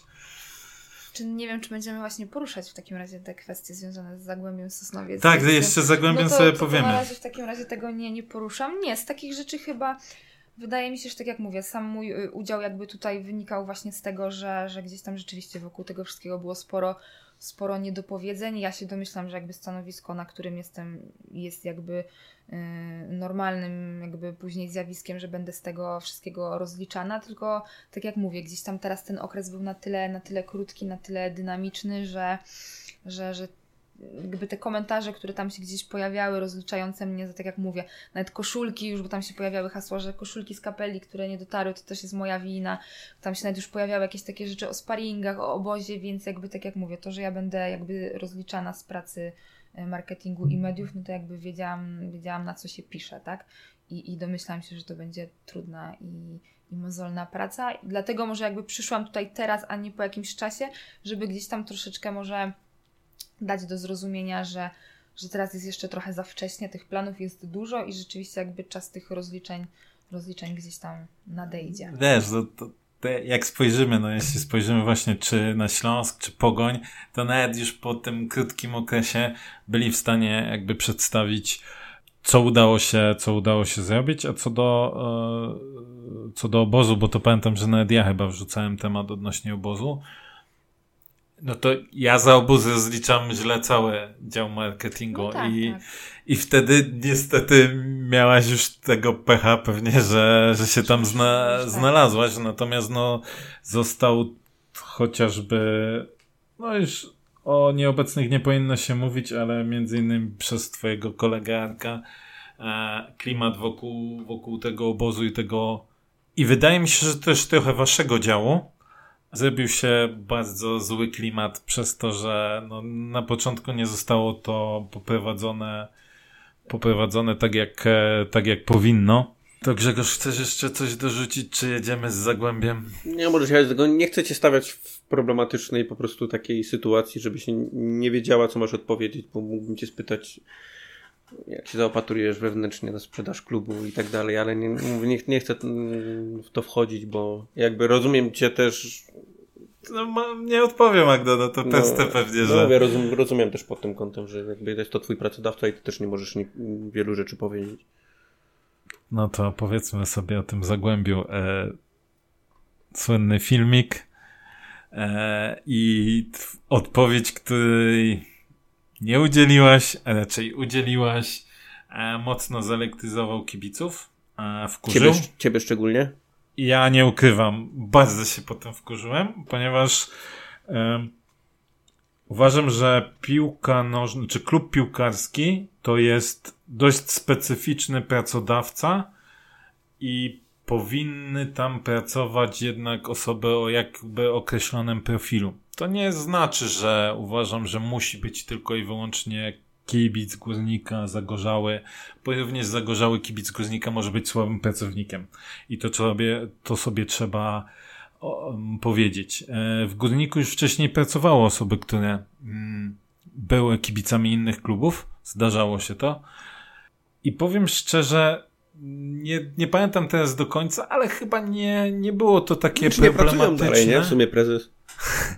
Ale nie, był jeden kiedyś z wiceprezesów, który generalnie tak. wprost powiedział, że on jest kibicem Śląska Wrocław.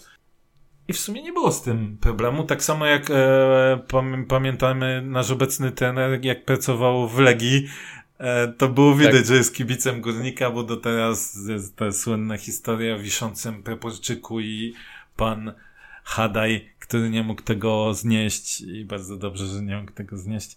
Więc to nie, a jednak ten był w stanie osiągnąć jakiś e, sukces, więc, e, więc to nie jest jakby samo w sobie bycie kibicem nie jest problemem, nie? Natomiast no też od pracownika klubu oczekujesz jakby jakiegoś zaangażowania, także emocjonalnego i kiedy ty nie byłeś w stanie odpowiedzieć na bardzo proste pytanie, to było proste pytanie, no to ja przyznam szczerze, trochę się zagotowałem tym. E, ja jakby już trochę abstrahując od wszystkiego, ja oczekuję, że jeśli pracownik, nie wiem, jakby, jakbyś była moim pracownikiem, to niezależnie od wszystkiego, ty w danym momencie reprezentujesz klub i czy danego pracodawcę, daną firmę i powinnaś robić to, co jest też dobrze odbierane. I tutaj każda osoba, niezależnie czy jej przeszkadza to, czy ty jesteś kibicem, czy nie jesteś kibicem Zagłębia, no to będę uważam, że akurat najgorszą rzeczą, jaka może być, to jak się pewne rzeczy, że tak powiem, nie chce o nich mówić, więc to, czego nie powiedziałaś, a co powiedziałaś, uważam, że bardzo dobrze, bo masz prawo być kibicem innego klubu. Mogę już sprostować, czy nie? A nie jesteś kibicem Zagłębia? Właśnie jakby, zaczynając może od mm. początku, y, kibic Zagłębia to może jest właśnie zbyt duże jakby słowo, bo to, że ja pochodzę jakby z Zagłębia Dąbrowskiego, gdzieś tam już mnie trochę wrzuciło jakby w to bycie tam kibicem, ale tak jak już wcześniej zauważyłam, ja generalnie mieszkam w ogóle w Dąbrowie Górniczej na samych obrzeżach, więc bliżej mi w ogóle do Pyżowic, Zawiercia niż na przykład do Sosnowca. Wydaje mi się, że to bardziej... Wierzcie, to Chorzów tam bywa, to nie, to lepiej to jeszcze, gorzej, to jeszcze gorzej.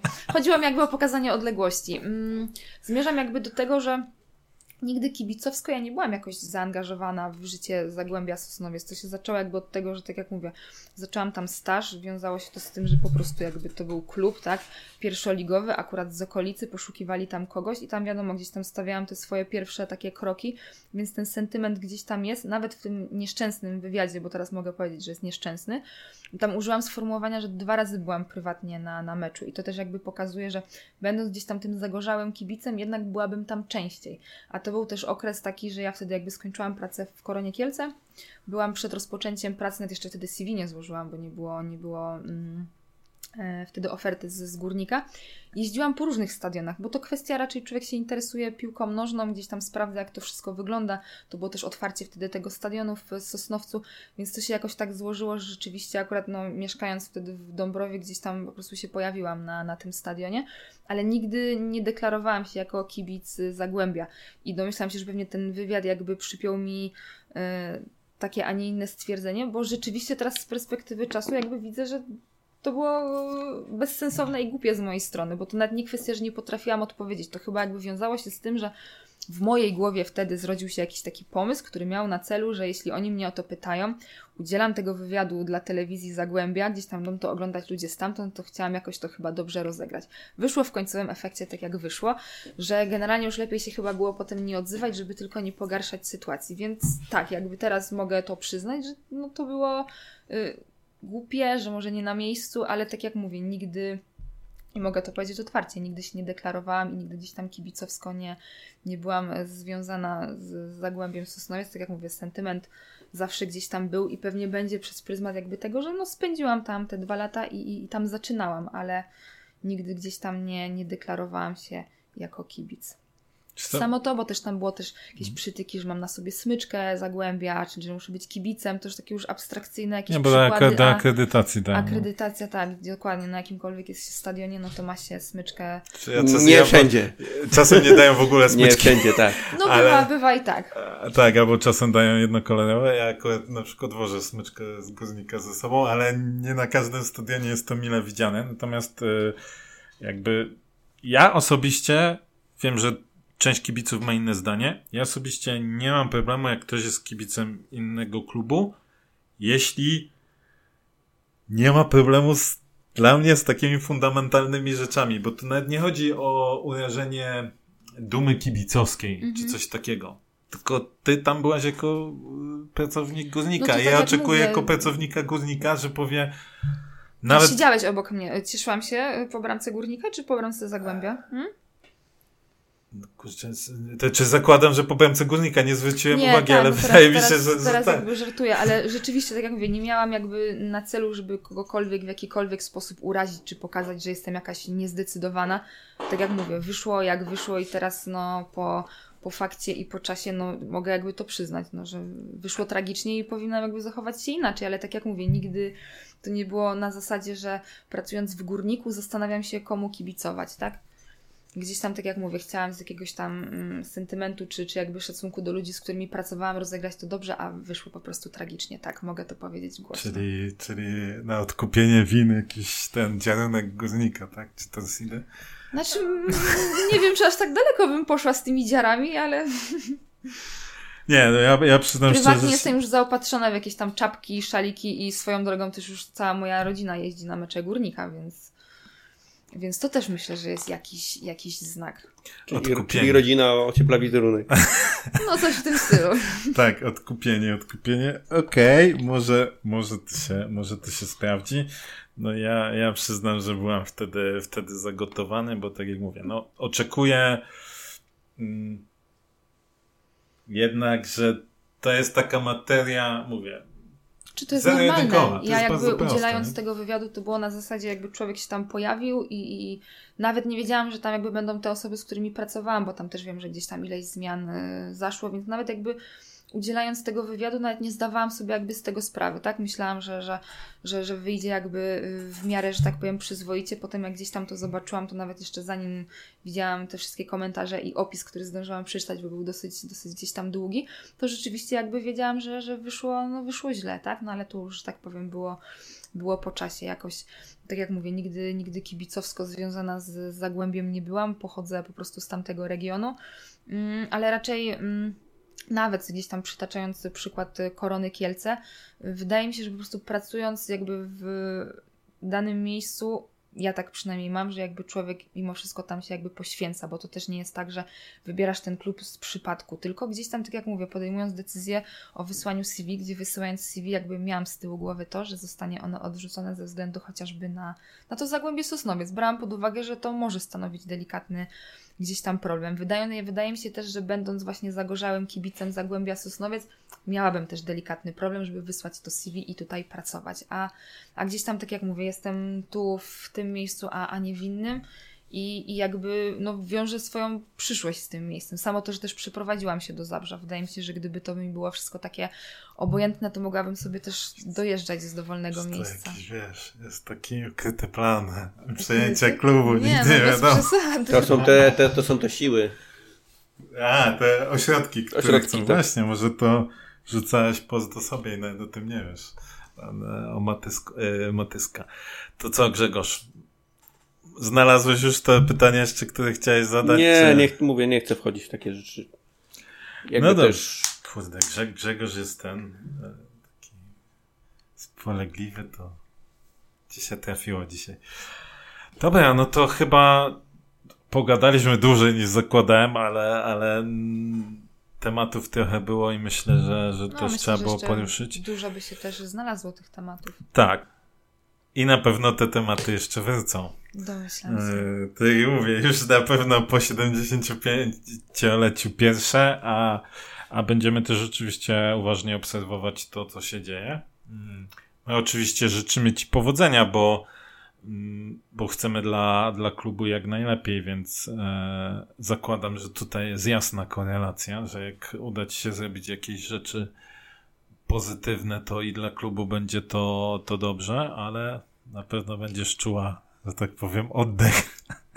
Dobrze, na... dobrze. To jest tak jak mówię, gdzieś tam, tam się pojawiło jakieś też pytanie o, odnośnie gdzieś tam presji, presji pracy i, i tego, więc jakby to jest logiczne, że, że w takim miejscu tą presję się odczuwa, ale tak jak mówię, to jest takie bardziej motywujące i, i gdzieś tam mimo tych wszystkich negatywnych komentarzy to jest raczej takie że jakby widzimy, ile jest, ile jest do poprawy, tak? I ile rzeczy, ile rzeczy można ulepszyć, żeby wyglądały tak, jak, jak, jak powinny. I Myśl... miejmy nadzieję, że, że wszystko będzie, że tak powiem, szło krok, do, krok po kroku do przodu. My też mamy taką nadzieję. Cieszymy się, że przyszłaś do nas.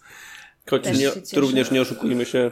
My się nie oszukujemy, że będzie nie wiadomo jak super Jak dobrze. fajnie. Bo... Znaczy no inaczej, e, cieszymy się, że przyszłaś, cieszymy się, że widzisz te różne rzeczy, które ewentualnie, czy mogą prowadzić do tego, żeby, żeby ten marketing górnika, czy PR górnika wyglądał też lepiej. Mm, tak jak mówi Grzesiek, no mamy doświadczenia z różnych lat poprzednich, więc y, nie powiemy, że w pełni ufamy, że na pewno się tak, e, tak stanie, natomiast y, chcielibyśmy, żeby tak było. No i mamy nadzieję, że te informacje, że tam coś trzeba zrobić, coś zrobimy, mamy plan, no, że będą się po prostu miały potwierdzenie, potwierdzenie w faktach i że będziemy mogli się za jakiś czas spotkać w trochę, bardziej przyjaznej atmosferze, jeśli chodzi, chociaż chodzi o pytania, bo, bo mam nadzieję, że tak źle nie było. Nie, myślę, że, że było całkiem, całkiem przyjemnie. Wracając jeszcze do, do tej współpracy i tego, co mówiłam wcześniej, to tak jak mówię, myślę, że y, wasze podcasty są przyjemne do odsłuchu, tak powiem. Y, nie odsłuchałam jakoś ich bardzo dużo, ale gdzieś tam y, przy paru, przy paru się zatrzymałam. Więc tak jak mówię, myślę, że, że gdzieś tam te, te bilety i jakaś forma konkursów z waszej strony spoko. I myślę też, że może moglibyście częściej zaprosić jakiegoś zawodnika. Moglibyśmy jakoś spróbować, żebyśmy my jako klub pomogli wam tutaj kogoś o, raz w to jest, powiem ci, to, powiem ci, to jest słowo klucz. ile razy te prośby były wysyłane. To jest słowo klucz, bo, bo, bo... Mm. Mój numer telefonu macie. My oczywiście myślę, chętnie jest, będziemy myślę, korzystać. Myślę, że to jest właśnie fajna forma jakby um, dla kibiców, która nie jest też stricte przez klub, tylko właśnie przez, przez was, bo wy jakby też poruszacie więcej tematów i, i myślę, że, że, że kibice jednak y, czekają też na to z waszej strony, więc to też myślę mogłaby być fajna jakaś forma. Co, jeśli klub będzie chętnie współpracował, to my zawsze w przeszłości nie do końca tak było, ale okej, okay, rozumiem, że nie mówimy o tym, kiedy cię nie było. Dokładnie. E, także. Ostatnio był Daniel Bielica, więc myślę, że niedługo może się pojawić ktoś, ktoś kolejny. Tak, ale ty, pamiętam, że Daniel chyba nie, nie był załatwiony przez klub. Tak, yy, nie wiem, dlatego nie yy, wypowiem się, ale jakby widziałam, że, że brał udział, pojawiało mi się tak, to, więc tak jak mówię, tak, można tak. by teraz był, pomyśleć, Była bardzo przyjemna formy... rozmowa E, to jest też e, fajne, to czego jakby nie do końca rozumieliśmy zachowanie klubu, bo to też jest fajna, fajne przedstawienie zawodników, czy wcześniej jak parę, no już lata temu można powiedzieć był Bartek Nowak, czy teraz Daniel Bielica, to raczej się mhm. odbiło fajnym mechem i dali się poznać jako, no jako fajni. Nawet jak wywiad z prezesem się udał raz. Tak, no właśnie. To, to Pozytywny wydźwięk też dla klubu, tak? Że, że tych informacji o klubie jest coraz, Otóż coraz więcej. Otóż to, a nie wszyscy to w klubie e, byli w stanie zrozumieć. No ale rozumiem, nadchodzi nowe. Miejmy nadzieję, że się to zmieni. Także dzięki Magda za dzisiaj. Ja również bardzo dziękuję. I do usłyszenia z naszymi słuchaczami. Zachęcamy jeszcze standardowo do, do mm, lajków, e, szerowania i możecie nam postawić też kawkę wirtualną. Także dzięki i do usłyszenia. Dzięki.